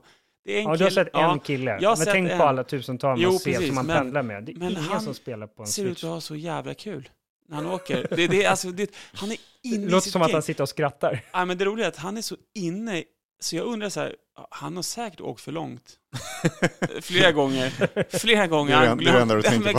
ja, Du för han går, ju, han går ju på, jag, jag ser aldrig han gå av, jag går alltid av för honom. Eller jag åker för honom, men när jag åker hem, då är han alltid där. Och då, då går han där med sitt switch. Alltså, jag tycker det ser så jävla skönt ut. Men det, det är ju geek-varning på honom, så det sjunger om det. Man går med den och gamer, så här, liksom, han är i sin egen lilla värld. Och det, men jag skulle fan vilja ha en sån tror jag. Ja, ja intressant. Ja, Black ja, Friday kanske? De ligger ju hyfsat bra pris. Så att, Nej, de ehm, hade be- bra pris. Nu har de ju gått tillbaka till normalpris igen. okej, okej. Såg jag. Ja, vi får se vad som händer. Nu, nu, nu vi pratade om det här med att Playstation säljer bättre. Det har ju att göra med mycket att de har gått ut med jättestort sortiment och, och verkligen levererat när God of War har släppts. Så man ser ju verkligen, eh, trenden har ju vänt nu för Playstation att de, de har ju gått ut och sagt att de verkligen vill sälja si och så många miljoner det här eh, fysiska året som, som är lite snett mot vårat eh, verkliga år eh, räknande. Ja. Men ehm, jag vet inte exakta siffran, men det var någonting med 18 miljoner eller 17 miljoner Playstation 5 och Så Jag de vill sälja eller har sålt? nej, som de vill sälja på ett, ett fysiskt år. Eh, och jag vet inte ens vad de ligger på, men de sa att vi ligger i fas. Eh, och det känns jättekonstigt, för att visst, jag har sett alltså, på eh, fysiska butiker, jag har sett på Amazon.se, man kan köpa bundles. Eh, jag vet att du, eh, du hade kollat upp lite att det finns inte på prisjakt och sånt. Ja, det finns på prisjakt. Men det är väldigt dyrt. ja. Billigast i lager är så här 10 500 Ja, för en... ja, det känns ju inte som att det är PS5. primära man ska köpa, utan ehm, det går ju att få tag på. Elgiganten har ju lite kösystem och Mediamarkt har haft bra kösystem och sånt. Där. Så att det kommer ju upp om man verkligen vill ha. Eh, sen de här bundles, de har gjort att priserna har gått upp lite mer för att man måste köpa ett spel med på, eh, ja, i bundeln. Då. Men i omgångar är är ju bundle-varianterna som finns i lager känns det som. Ja, absolut. Jag såg Så- en lycklig man Ja. gå ut med God of War-bundle nu i tisdags då. När Ja, det, är, det är väl mest för att inte scammers ska kunna liksom plocka på sig endast Playstation 5. Men det är klart att det säljs också. Men, Nej, men eh, webbhallen, jag får mejl titt som tätt. Ja. Nu har vi några på lager. Vi snackar nu tiotal kanske. ja. Eh, Men de, då har de ju ingen kö då. Då tänker jag, vem som helst, de tio första som lägger beställningen får den.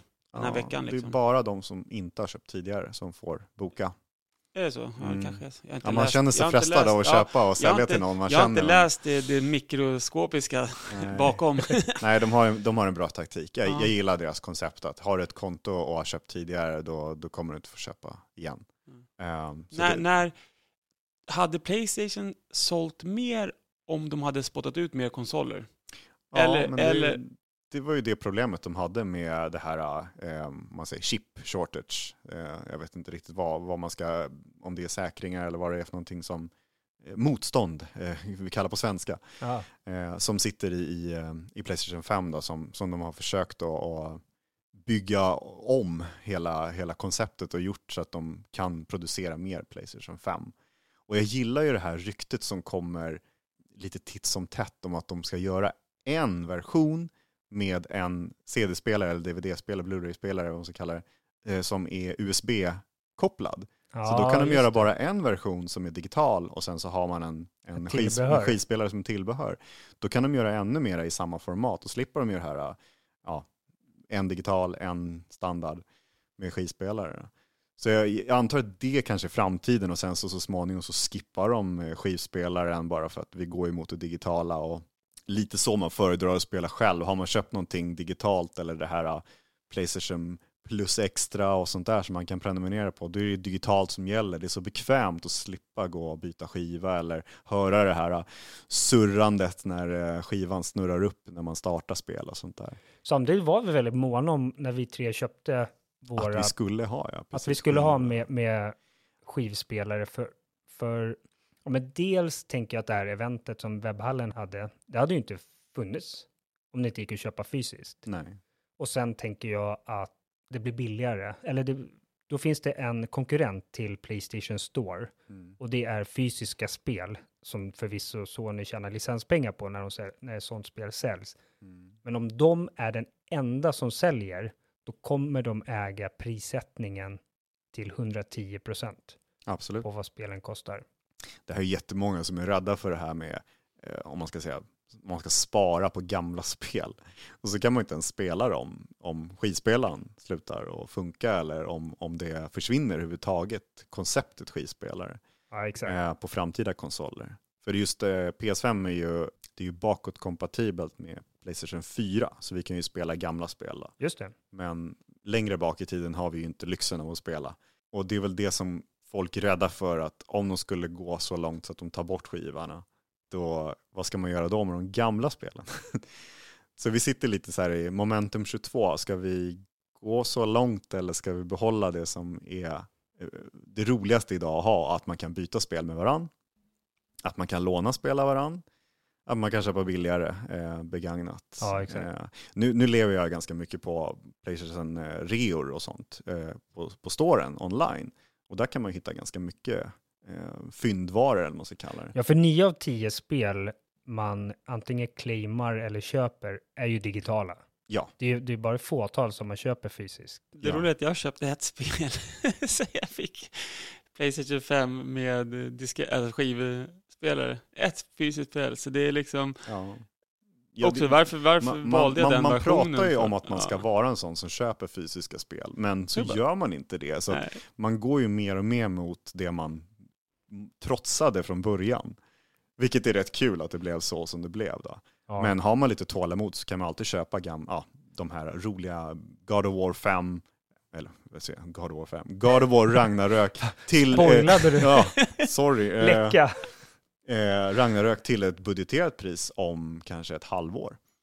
Mm. För det kommer inte gå ner i pris i början utan det kommer dröja ett antal månader innan, innan reorna kommer ikapp. Då. Ja, Kanske exakt. Black Friday skulle sätta En ner en mellandagsrea kan det vara kanske. Ja, de brukar vara, men då är det väldigt så här korta reor och sånt. Då. Men jag tänker när jag köper hårdvara, varför, om det finns två modeller, varför begränsa sig? Ja, Det är det jag känner, jag så här, var, har du skiv med skivspelare, då kan du ju fortsätta spela digitala spel. Men har du digitalt, då kan du bara köra digitala spel. Är du med? Då det går inte att ens köpa fysiskt. Det är ju där. Jag är alltid en sån som, varför begränsa sig när man, finns det två modeller? Nu snackar vi, kostar den dubbelt så mycket eller kostar den bara några hundra? Det är, det är ju där. Skulle den vara dubbelt så dyr, då kanske man Ja, hade sett annorlunda på det. Men var det tusen kronor som skilde? ja, det var väldigt lite tyckte jag. tusen kronor jag från början. Ja. Ja, Mm. Det är lite för lite. Den digitala ser ju dock mycket snyggare ut tack vare att den är symmetrisk. Det blir ju som den har typ en cancersvulst med den här skivspelaren på eh, diskversionen. ja, vi kan ju kolla lite vid sidan om här. Ja, den, den ser ju Du har ju ut- gömt, eh, du har ju vänt undan eh, skivspelaren Sorry, så att den liksom. står in mot väggen.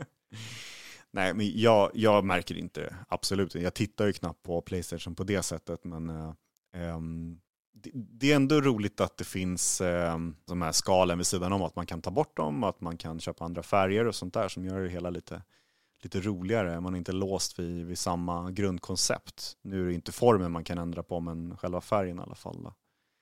Så att vi får väl se vad som händer om det kommer någonting med de stora spel, att de släpper något. så här, design för... Men God of War hade ju en handkontroll. Ja, man, man tycker att de borde ha för, för sidoplattor också. Ja, Ja, för ja, handkontrollen ser jävligt Skins som det kallas eller vad det Ja, heter. Typ. Vad vi ska kalla det. Men eh, ja, pengar finns det alltid att tjäna på alla möjliga sätt. Och vi har pratat om VR-headset och nya Edge-kontrollen. De, de vet vad folk vill köpa om man vill lägga pengar på. saker och ting. Så sant. Mm. Och nu har vi kommit till kanske höjdpunkten i dagens avsnitt och det är segmentet vad vi har spelat för något. Och eh, det är väl inget högt odds på vad som åtminstone två av oss har eh, ägnat det mesta av den här veckan till. Jag kan väl bara flika in emellan att jag hade, innan vi pratar om God of War förstås, som är det spelet, så hade jag månadsabonnemang på Playstation Plus av någon anledning. Det var ju, de skulle ju, när de skulle göra om det här paketet, Playstation Plus, till extra och premium, då ville inte jag förlänga med ett år, utan då bytte jag till månadsabonnemang. Sen har det där bara legat och eh, löpt på. Men sen för typ två månader sedan, då började det failas varje månad att eh, betalningen misslyckades. Eh, och jag lovar, jag hade pengar på kontot. Eh, utan det var någonting med att min bank hade infört något mer striktare kontroll av när kortet används. Vilket gjorde att jag behövde gå in och eh, köpa... Acceptera typ. Ja, men jag behövde liksom gå in och uppdatera min betalmodell och då kunde de dra en månad. Och för, ja, nu eh, för någon vecka sedan, då tröttnade jag på det här. Jag tänkte, men jag, nu köper jag ett år i taget här nu. Eh, det är mycket billigare. Och då tänkte jag köra den här Playstation Plus Extra, som är det eh, som jag hade tidigare. För det är det du också har, Henke, va? Ja, det är mellanpaketet då, eller kalla Ja, men exakt. Vilket gör att du får ett, ett, ett spel, en spelkatalog med massa spel. Mm, jag tror det så- 400 spel plus. Ja, och, och då såg jag att lägger jag bara till 200 spänn till, då Mm. får jag premium. Och den har jag varit så här lite kall på. Men det är ju typ bara att spela en massa gamla Playstation 3-spel. Men jag tänkte, vad fan, det stod så här, strömma spel. Jag tänkte, ja men fan, det där ska jag testa. För 200 spänn till, det, det kan jag göra. Så jag körde faktiskt eh, Playstation Plus Premium. Det är det jag har nu. Jag och grabben satt och testade massa gamla Playstation 3-spel. Eh, typ bilar, eh, det var någon bilspel. Ni vet den här Disney-filmen Bilar. Ja, Mm. exakt.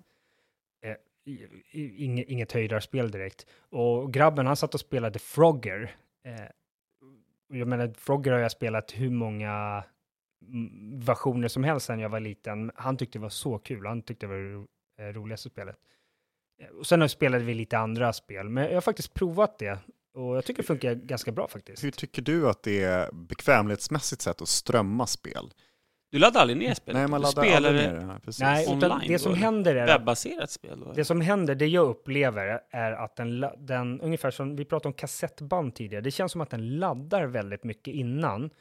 Så att det, för det står så här, typ ladda ditt spel, stäng inte av konsolen eller något sånt där. Och så en, en, en stapel som går fram och tillbaka som visar att den håller på laddar. Sen hux flux så hoppar du in, eller inte du, utan spelet hoppar in i så här Playstation 3 UI.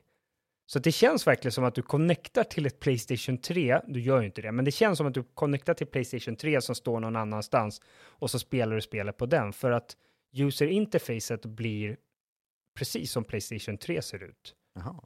Och sen, sen är det som att spela. Jag, jag var lite rädd för så här responstid och så. Nu är det ju inte Counter-Strike eller andra så här hundradels Sekunder. sekunders viktiga spel, utan det är vä- väldigt enkla spel. Men jag märkte inte av det alls att jag körde något som strömmade. Det funkar Ja. Ingen lagg någonstans. Så typ när du Nej, trycker så bara någon hundradel. nej, ingenting jag märkte faktiskt. Men jag ska testa det lite mer. Men körde du något tunga spel? Du körde inga stora spel? Du körde Playstation 3-spel? De kanske inte kräver lika hårt? Nej, precis. Det är ju inte, det är inte Inga grafiktunga nej. spel. Jag, jag läste att något spel är 60 FPS om du laddar ner det och 30 FPS om du strömmar det. Så det är möjligt att det finns lite, lite sådana begränsningar då på framerate och så vidare. Men på den här typen av spel vi spelar, det funkar det galant på.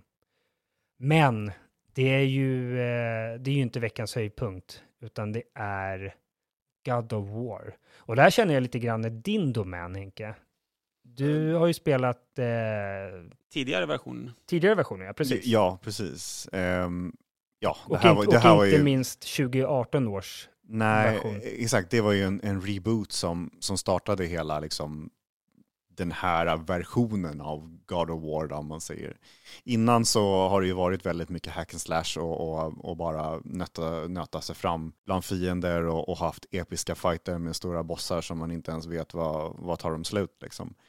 Eh, men eh, när God of War eh, 2018 kom så var det ju en helt ny story kan man säga. Och det började med en pensionerad eh, Kratos Just det. God of War då, som eh, eh, tar sig an äventyr med sin son.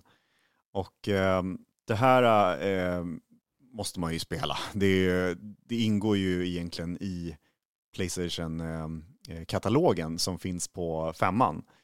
Eh, Så man får ju det gratis och det finns ju ingen anledning att inte testa det. Men har man inte gjort det så finns det ju eh, recaps på YouTube och, och till och med i det här nya Ragnarök då, som kom nu i, i veckan. Så man kan se en liten backstory till så man inte kommer in i, i mitt i spelet då. Och jag som inte har spelat 2018, jag startade det och spelade ett par minuter. Men jag kollade ju på den här en och en halv minuter långa klippet som man, som man får se i, i Ragnarök. Men det var ju först nu när jag satt med dig här och du kunde pausa i den och säga, nej men nu händer det här och det här och det här. Det var först då jag förstod, så att den hjälpte inte speciellt det- mycket. Så jag skulle nog rekommendera det du rekommenderar mig, se den här recapen på YouTube. Precis, om man inte vill spela spelet då. Eh, nu är de ju ganska saftiga och, och har ett antal timmar att gå igenom, men eh, storyn är magisk. Eh, om vi går till eh, Ragnarök då, så har du ju, eh, egentligen så fortsätter ju storyn bara där man slutade 2018-versionen. Och Kratos, han är ju fortfarande gammal gubbe kan man väl kalla det, men eh, sonen har ju växt upp till en tonåring, så det är väl ungefär fem år senare eller någonting. Eh, han har ju en helt annan röst och, och, kan klara sig själv, för han var ju lite som en, eh, vad ska man säga, ett bihang, att han hängde på, eh, hoppade och klättrade på ryggen på Kratos när han skulle ta sig fram upp för bergsväggar. Och nu kan han klättra själv och, och ta sig fram då. Men eh, vad vi har sett i, i trailers och sånt så framgår det att man, eh, man ska ju liksom försöka att ta sig fram med den här så kallade storyn. Alla vill ju veta vad som händer och om man inte har spelat 2018-versionen så får man nästan skylla sig själv när man går in i det här spelet. Att, eh den här sonen... Titta han, på mig där. Ja, sonen han är ju eh, den fruktade Loki som eh, hans mamma då har eh, namngett honom. Och eh, mamman dör ju i ettan i början av spelet så att man begraver henne och sprider hennes aska i princip i slutet av ettan. Och den, den själva grejen, vad ska det bli av den här sonen och varför heter han så? Nordisk mytologi är ju lite speciell och har man inte hängt med där så har man kanske lite att ta igen på och läsa. Vad är det för olika gudar som är med? Och det första man får träffa på är ju såklart eh, Odin och Tor som kommer och besöker en i ens koja. Och har man eh, sett hur filmsekvenser ser ut i spel, då blir man jävligt imponerad av det här. För det här var så vackert eh, stämningsmässigt och jag kommer inte ihåg vilka som spelade rösterna till de här gubbarna, men de gör så jävla bra jobb. Jag är så imponerad av utseendet och grafiska snittet och allting färgglatt. Ja, de har verkligen, och, och verkligen nailat det. Karaktärerna, de, de gör sig så jävla bra. Så att eh, storyn fortsätter egentligen med att man ska, eh, man får ett eh, förslag av, vill du skapa fred mellan oss då, eh, gudarna mot Kratos och han säger ju såklart nej. Eh, som den trotsiga gamla som gubben. Som den trotsiga gamla gubben, ja. Så det är där det börjar egentligen, att man, eh, man får fightas mot Tor. Och det var väl ingen överraskning som det har man sett i alla trailers. Och sen så börjar ju storyn som man inte ska spoila. Um, Nej, det kan vi säga. Vi, vi, kommer inte spoila och sen har vi dessutom inte spelat klart det själva. Nej. Vi ligger på, du, jag lite knappt 10 timmar och du lite drygt 10 timmar. Ja, tror jag passerade 12 timmar här eh, idag i, i förmiddags. Precis, och vi um, pratade om det här precis att vi, vi går ju lite försiktigt fram också.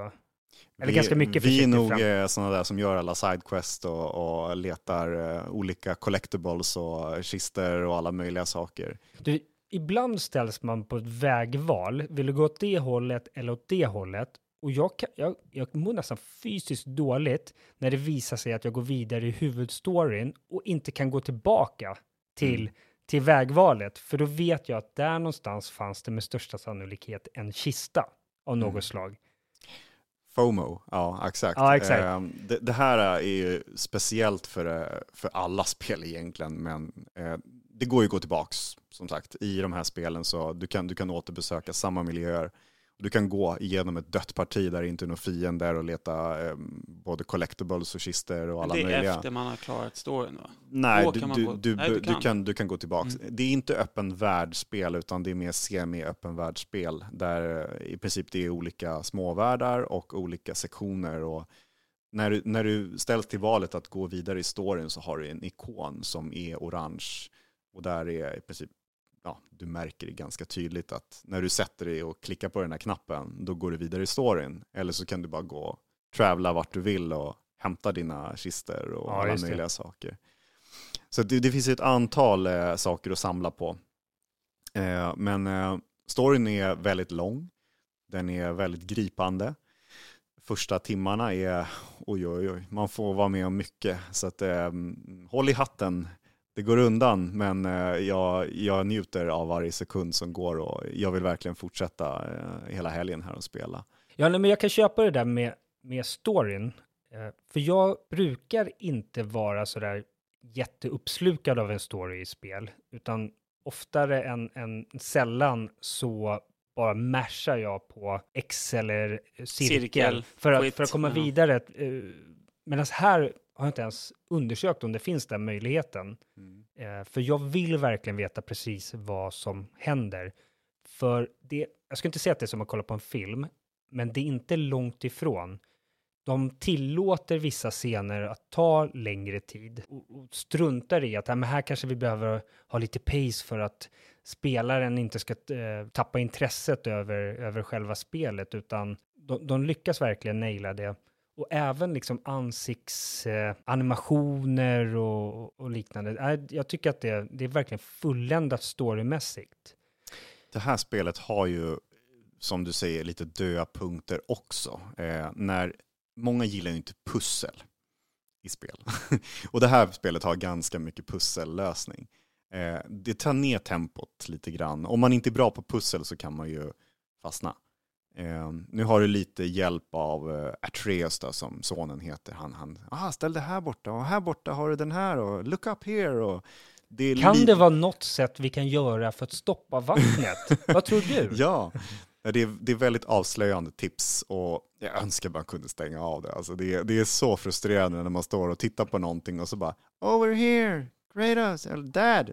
Ja, det känns som att det förstör många gånger det man har kämpat för att titta efter.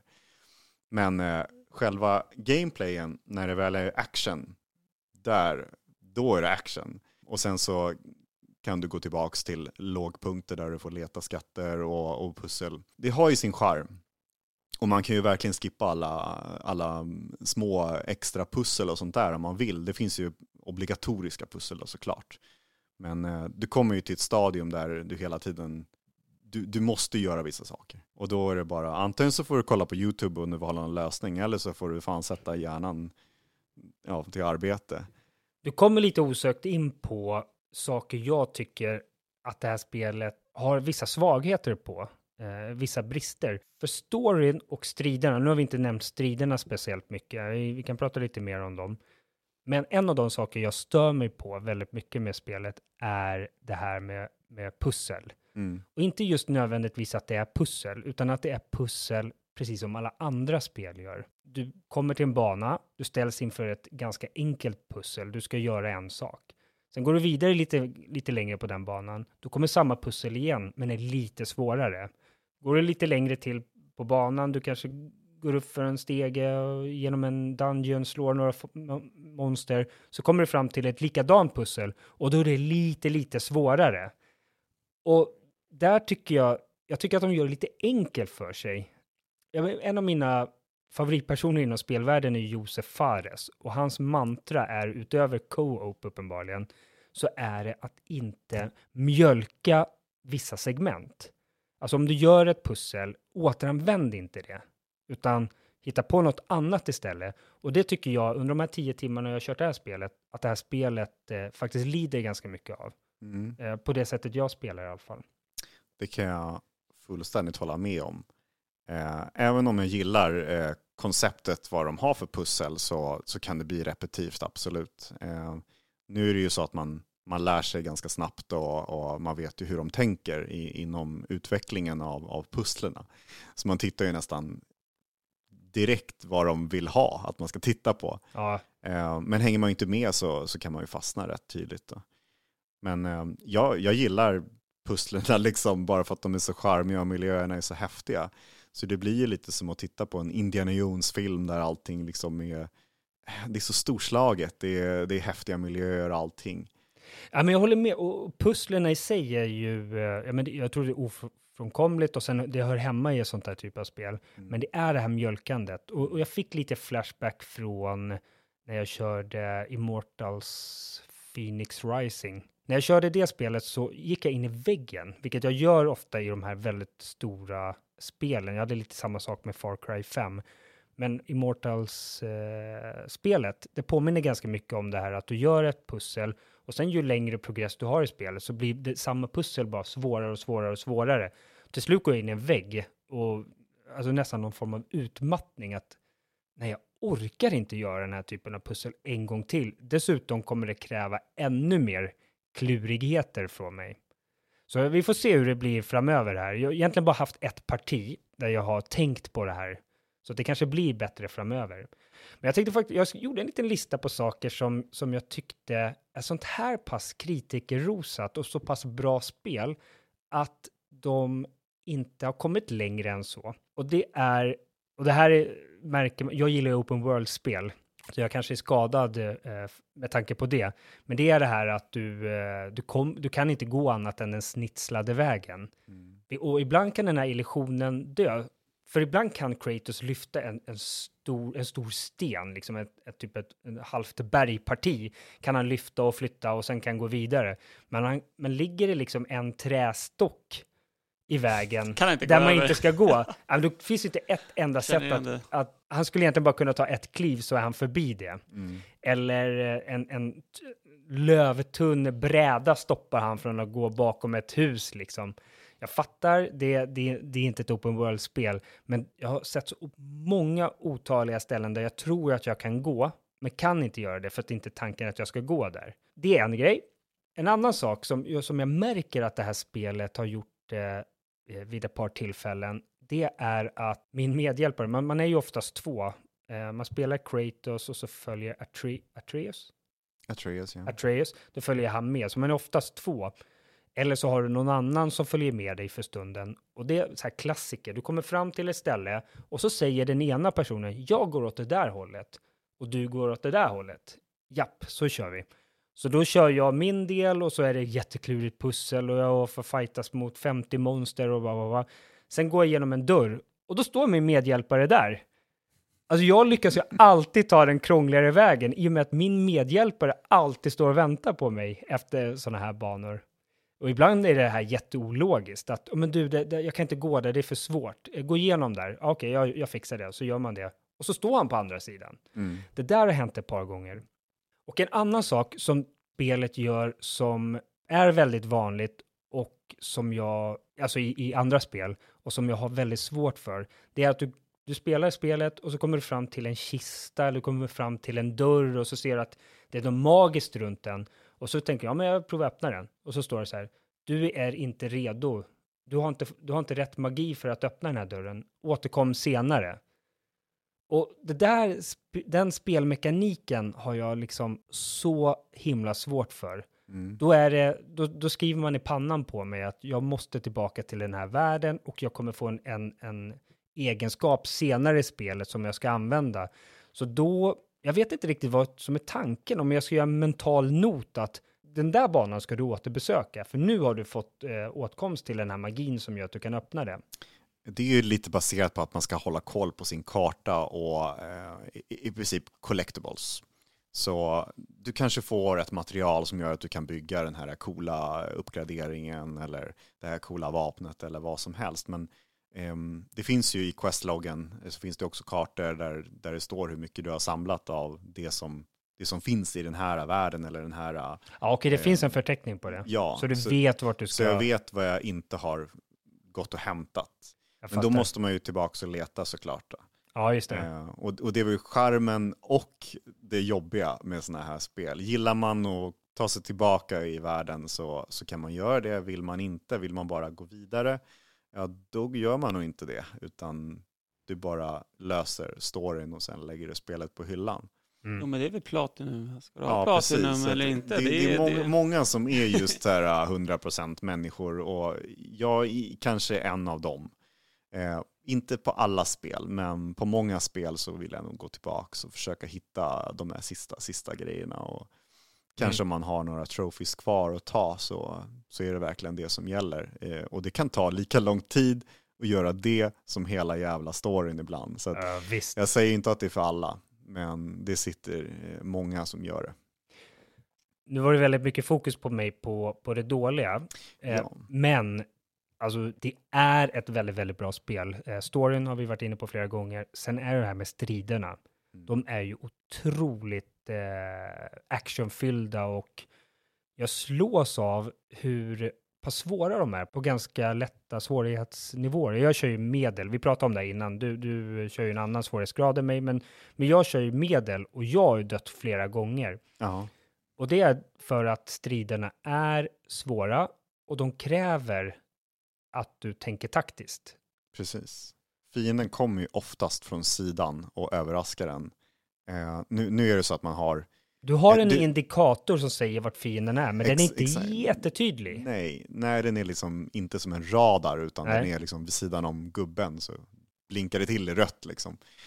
Men du har ju ett arsenal som, som du, kan, du kan ta dig an vad som helst. Du har ju yxan eh, och så har du ju hans eh, betrodda blad, om man säger i, eh, i, de, i de förra gamla spelen som han eh, återuppväcker dem, Ja, i, det. I, det, i det här 2018-spelet. Nu vet inte jag om man får några mera vapen och jag antar att man inte får det, men eh, Gripklon. Gripklon, ja, vad menar du då?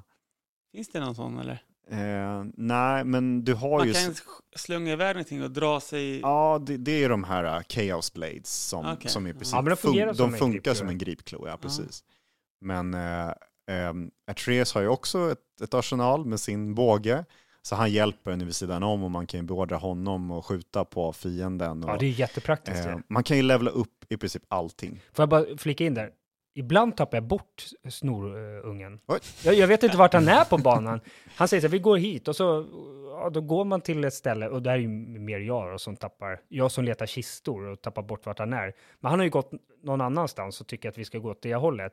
Så det, det, det sättet jag, jag lärde mig det för att hitta honom, då ber jag honom skjuta en pil, för då kollar jag, var kommer pilen ifrån? Så det är en jättepraktisk funktion för att döda fiender, men också att hitta när han springer iväg. Ja. Ja, det är ju en jättebra, eh, vad ska man säga, ja, indikator på vad han är. Men han, han är ju jättebra på att samarbeta med Kratos i det här spelet. Ja. Och visst, han var ju det i det gamla också, men nu är han betydligt mer kompetent när det gäller stridsmekaniker också. Ja. Ehm, Mitt största bekymmer med striderna, och det här är enkom, det är därför jag inte listar det som någon svaghet, men det är ju att det är ju otroligt många kombinationer. mm, Dels har du två olika eh, huvudvapen. Eh, Kratos har ju sin eh, yxa. yxa och så, och så sina knivar. Eh, Och sen blåser du upp uppgraderingar. För Du har ju så här standard, standardslag och så vidare.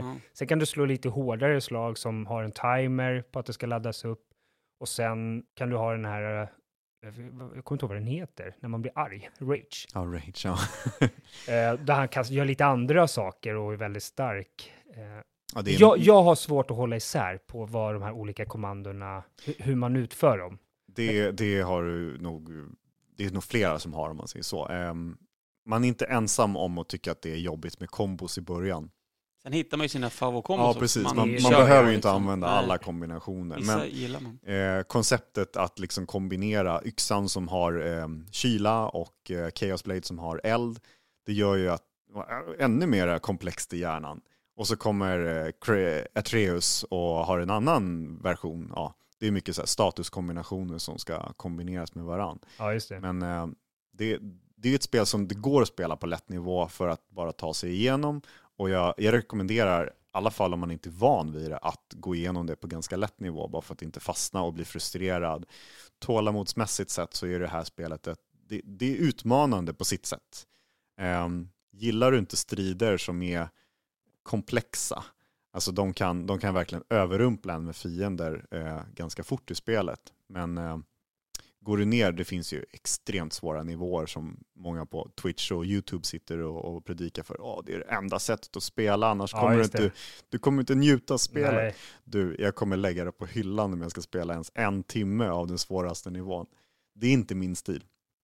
Jag kommer aldrig spela på den nivån. Eh, jag, jag tror aldrig jag vill börja ett spel på svåraste nivån. Då känns det som att eh, Nej. då, då, kommer man, då kan jag lika gärna klubba mig själv med det jävla VR-headsetet som tar död på en. ja, Ehm, exakt. Men eh, generellt sett så spelar jag på ganska lätta nivåer i början och sen kan jag gå tillbaka och ändra om det känns att det, det är absolut ingen utmaning. Det första jag kollar, Mm. det är, det är inte alla, det är väldigt få spel som gör det faktiskt, men en del spel eh, stänger ju av trophies. Mm. När, Ja, på lätta nivåer. om, Ja. om du kör på för lätt nivå. Så det är det första jag googlar. Innan, innan jag sänker min nivå, eh, kommer jag förlora några trophies? Ja. Jag har tänkt hoppa ner. Jag kör ju på mellannivån. Jag har tänkt hoppa ner ett steg för att eh, jag vill ha jag vill ha mer, jag vill ha mer progress i storyn. Jag inser att eh, det, det här spelet kommer ta ganska lång tid och kan jag korta ner lite tid genom att ha lite enklare fighter, då gör jag det gärna. Jag missar ju väldigt ofta att försvara mig i den här typen av spel. Jag, jag tycker om att bara slå med yxa och bladen. Har, har du ens använt skölden? Jag har använt skölden. För den har vi inte nämnt nämligen heller. Nej, men den, den har jag använt. Jag köpte en ny sköld. En, Ja, ja, en stensköld som var... Den, den där stora romerska Exakt. gigantskölden. Och jag har uppgraderat den också, men jag glömmer bort att använda den. Ja, jo men det, det håller jag med om. Jag är också fruktansvärt dålig på att försvara mig. Jag, jag håller mig hellre flygande runt liksom och rör mig mycket. Exakt. Evade-knappen använder man ju konsekvent. Oh ja, och rollar och håller på. Ja. Ja. Och sen så har man ju Atreus som, som men precis, sista hjälpen. Han kommer ju liksom bara skjuter en pil så att de blir stannade. Eh, många gånger så, så känns det som att man, man, man button mashar, även fast det inte är ett button mash-spel. Nej, ja, men så är det. Eh, panik. En rolig grej är att han ropar ju på Atreus hela tiden. Och eh, jag heter ju Andreas och i USA, eller på engelska säger man Andreas. Mm. Så jag tycker alltid det låter som att han ropar på mig. Herregud, Tänk att ha han som pappa. Ja, eller? exakt. Andreas. Andreas. Men en annan grej, jag som inte har spelat spelet och så, jag har ju tittat på många som spelar. De jag tittar på, de spelar ju på det hardest Mm. possible mode. Blir det någon skillnad i spelet att kommer det mer gubbar, blir pusslen svårare eller bara scalar de, du, de gör mer damage? Helt De är enkelt. mer aggressiva och så är det mer hälsa vad jag har förstått i de här spelen. Jag har inte testat själv på de svåraste nivåerna, men om man, om man känner att så här, ja, ett rum ska ta en minut att klara i vanliga nivåer så tar det liksom fem minuter, tio minuter och, och kanske att du dör flera gånger. Det kan ta en halvtimme att ta sig igenom vissa rum, flera timmar om du är på bossar. Så om du känner att du vill ha utmaningen, absolut. Men du gör ju inte någonting roligt kanske, som jag tycker, utan ja, det är en utmaning som du får en, ja, en trophy för, visst, men du, din, trofén är inte baserade på svårighetsgrader. Så du kan spela på den lättaste nivån och ändå få 100% trophy om man tänker så. Men eh, för, för egen skull så är det ju en trophy i skallen kanske. Jo, för att Destiny har ju emblem och trophies för beroende på hur hårt man spelar, i vilken svårighetsgrad man spelar på. Ma- Grandmaster är det tuffaste. Då kommer du få en belöning där folk ser att du har klarat det på det svåraste också. Det är också ett sätt att skryta i spelet. Ja. Men ja, det- det, här, det är inget inte- socialt nej, spel så. Precis. Utan alla single player-spel har egentligen en, en, en nisch av att vill du spela och utmana Men- dig själv eller inte. Trophiesarna är detsamma, så ingen kommer säga så ah, du har klarat den på det svåraste. Din Inte buckla kommer inte se annorlunda Nej. ut. Nej, precis. Inte vad vi vet i alla fall. Det Nej, de har sagt att det, det finns inga svårighetstrophies Ah, som okej. man säger. Ja, men då så. Så det är bara collectibles och allt sånt där som egentligen du får plocka i efterhand. Får man bättre gear eller bättre belöning i kistorna om man kör på svårare nivå? Det kan jag inte svara på. Ingen aning faktiskt. Men är det någon som har hört något skvaller om stream, Nej. streamers eller? Hela grejen med det här spelet är att jag har levt lite i blackout eh, på, på både Twitch och på YouTube när det gäller att titta på det. Du vill inte bli spoilad? Jag vill inte bli spoilad Nej. alls. Jag har undvikit eh, samtliga av mina vanliga som jag brukar titta på. Och det är lite tråkigt för de världarna brukar man vilja leva i eh, vardagligen och kanske komma hem och sätta på Twitch och titta på sina favoritstreamers eller på YouTubers och sånt där. Nu har de bara spelat God of War och jag bara nej, jag klarar inte av det här. Så jag har hållit mig undan och jag har klarat mig än så länge i alla fall. Men det är klart att man saknar den communityn och sitta och titta på och liksom, ja, se vad de gör. För jag vet att en av dina favoriter tror jag klarade spelet igår. Mm, säg eh, ingenting. Han, ja. han, jag hörde rykten om Jag att han hade rykten. klarat det. Okej, okej. Nej, men jag tycker att det är jättejobbigt med sådana här spel just för att de är så eh, spoiler, eh, ja, eh, drabbade. Eh, det, finns, det finns jättemycket på Twitter också som har hänt och, och, och jag, jag verkligen, jag vill inte så jag har försökt att hålla mig undan. Och det gör att man har tittat lite kanske på andra eh, spelare eller andra spel eh, och då får man en helt annan bild av hur, hur, hur världen ser ut just nu inom spelvärlden. Så God of War har ju varit det som alla har spelat förutom de som inte spelar och då får man väl följa dem då.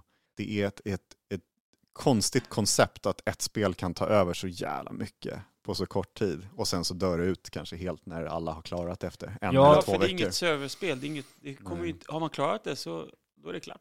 Kan man överleva två veckor, då är man utanför blackouten. Då behöver man liksom inte vara försiktig längre. Nu eh, har vi ju bara spelat som sagt tillsammans 20 timmar. Du, Mm. du 12 och jag 8 kanske, något åt det hållet. Så vi kan ju inte komma med något riktigt utlåtande. Med tanke på att vi inte vet hur storyn slutar och så. Men Jag tycker inte att det är rätt att prata om eh, spoilers heller eh, i det här stadiet efter tre dagar. Eh, många har inte ens startat det förrän helgen kom. nej, exakt. Så man får nog vänta tills senare. Men vi är duktigt positiva till det. Absolut. Det är, det är en, en uppgradering från förra spelet. Både rörelsemässigt sett och storymässigt sett så är jag väldigt imponerad. Storyn är ju eh, någonting som jag har varit väldigt imponerad av i ettan och nu har de ju redan efter några timmar så har de överträffat och bara dragit iväg. Och det, det märks ju ganska tydligt att det här spelet har tagit världen med storm när de sålde lika mycket på en dag som eh, God of War 2018 sålde på en vecka Ja, i eh, UK, om man säger England. ja. Och det finns ju lite olika siffror att titta på. Så här. Men just där alltså har ju den siffran varit lite så här, wow, det här kommer sälja ja det, som vi, smör. vi pratade om det i förra avsnittet. Jag har ju, jag har ju inte spelat God of War. Eh, och anledningen till att jag blev taggad på det var för att jag pratade med en kompis som... Han sa, det här är... Jag spelar inte spel längre. Men jag sa till min fru att eh, nu kommer jag stänga in mig här i fem dagar och spela det här spelet. När han, liksom en fotbollssupporter, resonerar så, då, tänk, då kände jag att... Då eh, måste det vara bra. Ja, då måste det ju vara bra. Då, då, då är den här hypen berättigad på något sätt. Så då blev ju jag på väldigt kort tid, det här ska jag förboka, gå, in på, gå på event och så vidare. Ja, ja vi, kan ju, vi kan ju göra så här att eh, Michel, vill du låna det här sen så behöver du inte köpa det. Du som inte är lika positiv till att köpa det just nu. Men eh, absolut, jag skulle inte vilja att Michel kommer undan från det här spelet. Men Eh, det är är som det här Du som gillar tv-serier och Bästa film. spel. Alltså det är Game of the Year Contender garanterat. Trots Sen- att det kommer nu bara någon månad innan Ja, de det gör... avgör ju inte hur mycket Det brukar snarare rosor det ha, finns liksom. det brukar snarare ha en, en motsatt, eller en effekt att ja, det ligger bättre till för att det ligger närmare awarden. ja, precis. Vi får väl se vad som händer med just eh, Game of the Year och sånt. Men det Men här är smaken är någonting... ju också lite som baken. Alla spel passar kanske inte alla heller. Så jag gillar ett typ av spel, då tycker jag det är bäst. Sen det här, men vad världen pratar om liksom. Ja, nej men mycket är ju storybaserat och Elden Ring och det här är ju storybaserade spel. Så det är väldigt... Men det blir som en serie, precis ja, som det, jag sa. det blir Jag har ju som en serie. växt i de här spelen. Jag hatade sådana här spel för säkert tre fyra år sedan. Men nu har jag börjat kolla på mer serier. Det är lättillgängligare med serier nu med alla andra plattformar. Och det har ju också öppnat upp spelen. Mm. Storiespelen. Det är ju mer en serie. Det här är ju som en film. Alltså Precis. egentligen, man kan kolla på alla cutscenes som en film och utan att missa någonting. För alla stridsscener är ju någonting som egentligen, det är bara, eh, vad ska man säga, överflöd om man skulle klippa bort det så funkar det ändå. Men är det mycket dödtid? Det är ju pusslerna. Det är det. Pusslerna kan du ju liksom inte komma ifrån, men de är ju inte med i cutscenes. Så alla cutscenes, om du sätter ihop dem så blir det en film. Nu, eh, nu har inte vi pratat om några så här, eh, karaktärer och sånt, men det finns ju ett antal karaktärer i det här spelet som gör att det är, det är så charmigt. Och Vi får nog kanske faktiskt pausa det till, till det, nästa... det kan vi nog prata om i nästa avsnitt. ja, jag tror vi precis. får, har anledning att återkomma till det här spelet, för att jag, som du var inne på, den här helgen är det nog mest God of War som, som gäller och Ja. ja, antagligen nästa vecka också då. Damn. Du märker att min hype är för hög. Ja, Ja, nej, jag kan inte sluta prata om det. Förlåt. Tiden rinner iväg. tiden rinner iväg eh, och jag tänkte att vi tar och eh, rundar av här. Och vi vill avslutningsvis eh, förstås tacka för att du har lyssnat på det här andra avsnittet av den nya spelpodcasten Gamea. Vi finns på, eh, på World Wide Web på vår hemsida gamapod.se och man får jättegärna mejla till oss om man har synpunkter, frågor eller allmänna funderingar på respons gamapod.se. Mm. Ja, Det var andra avsnittet det. ja, that's, that's all. that's all. Så. To be continued.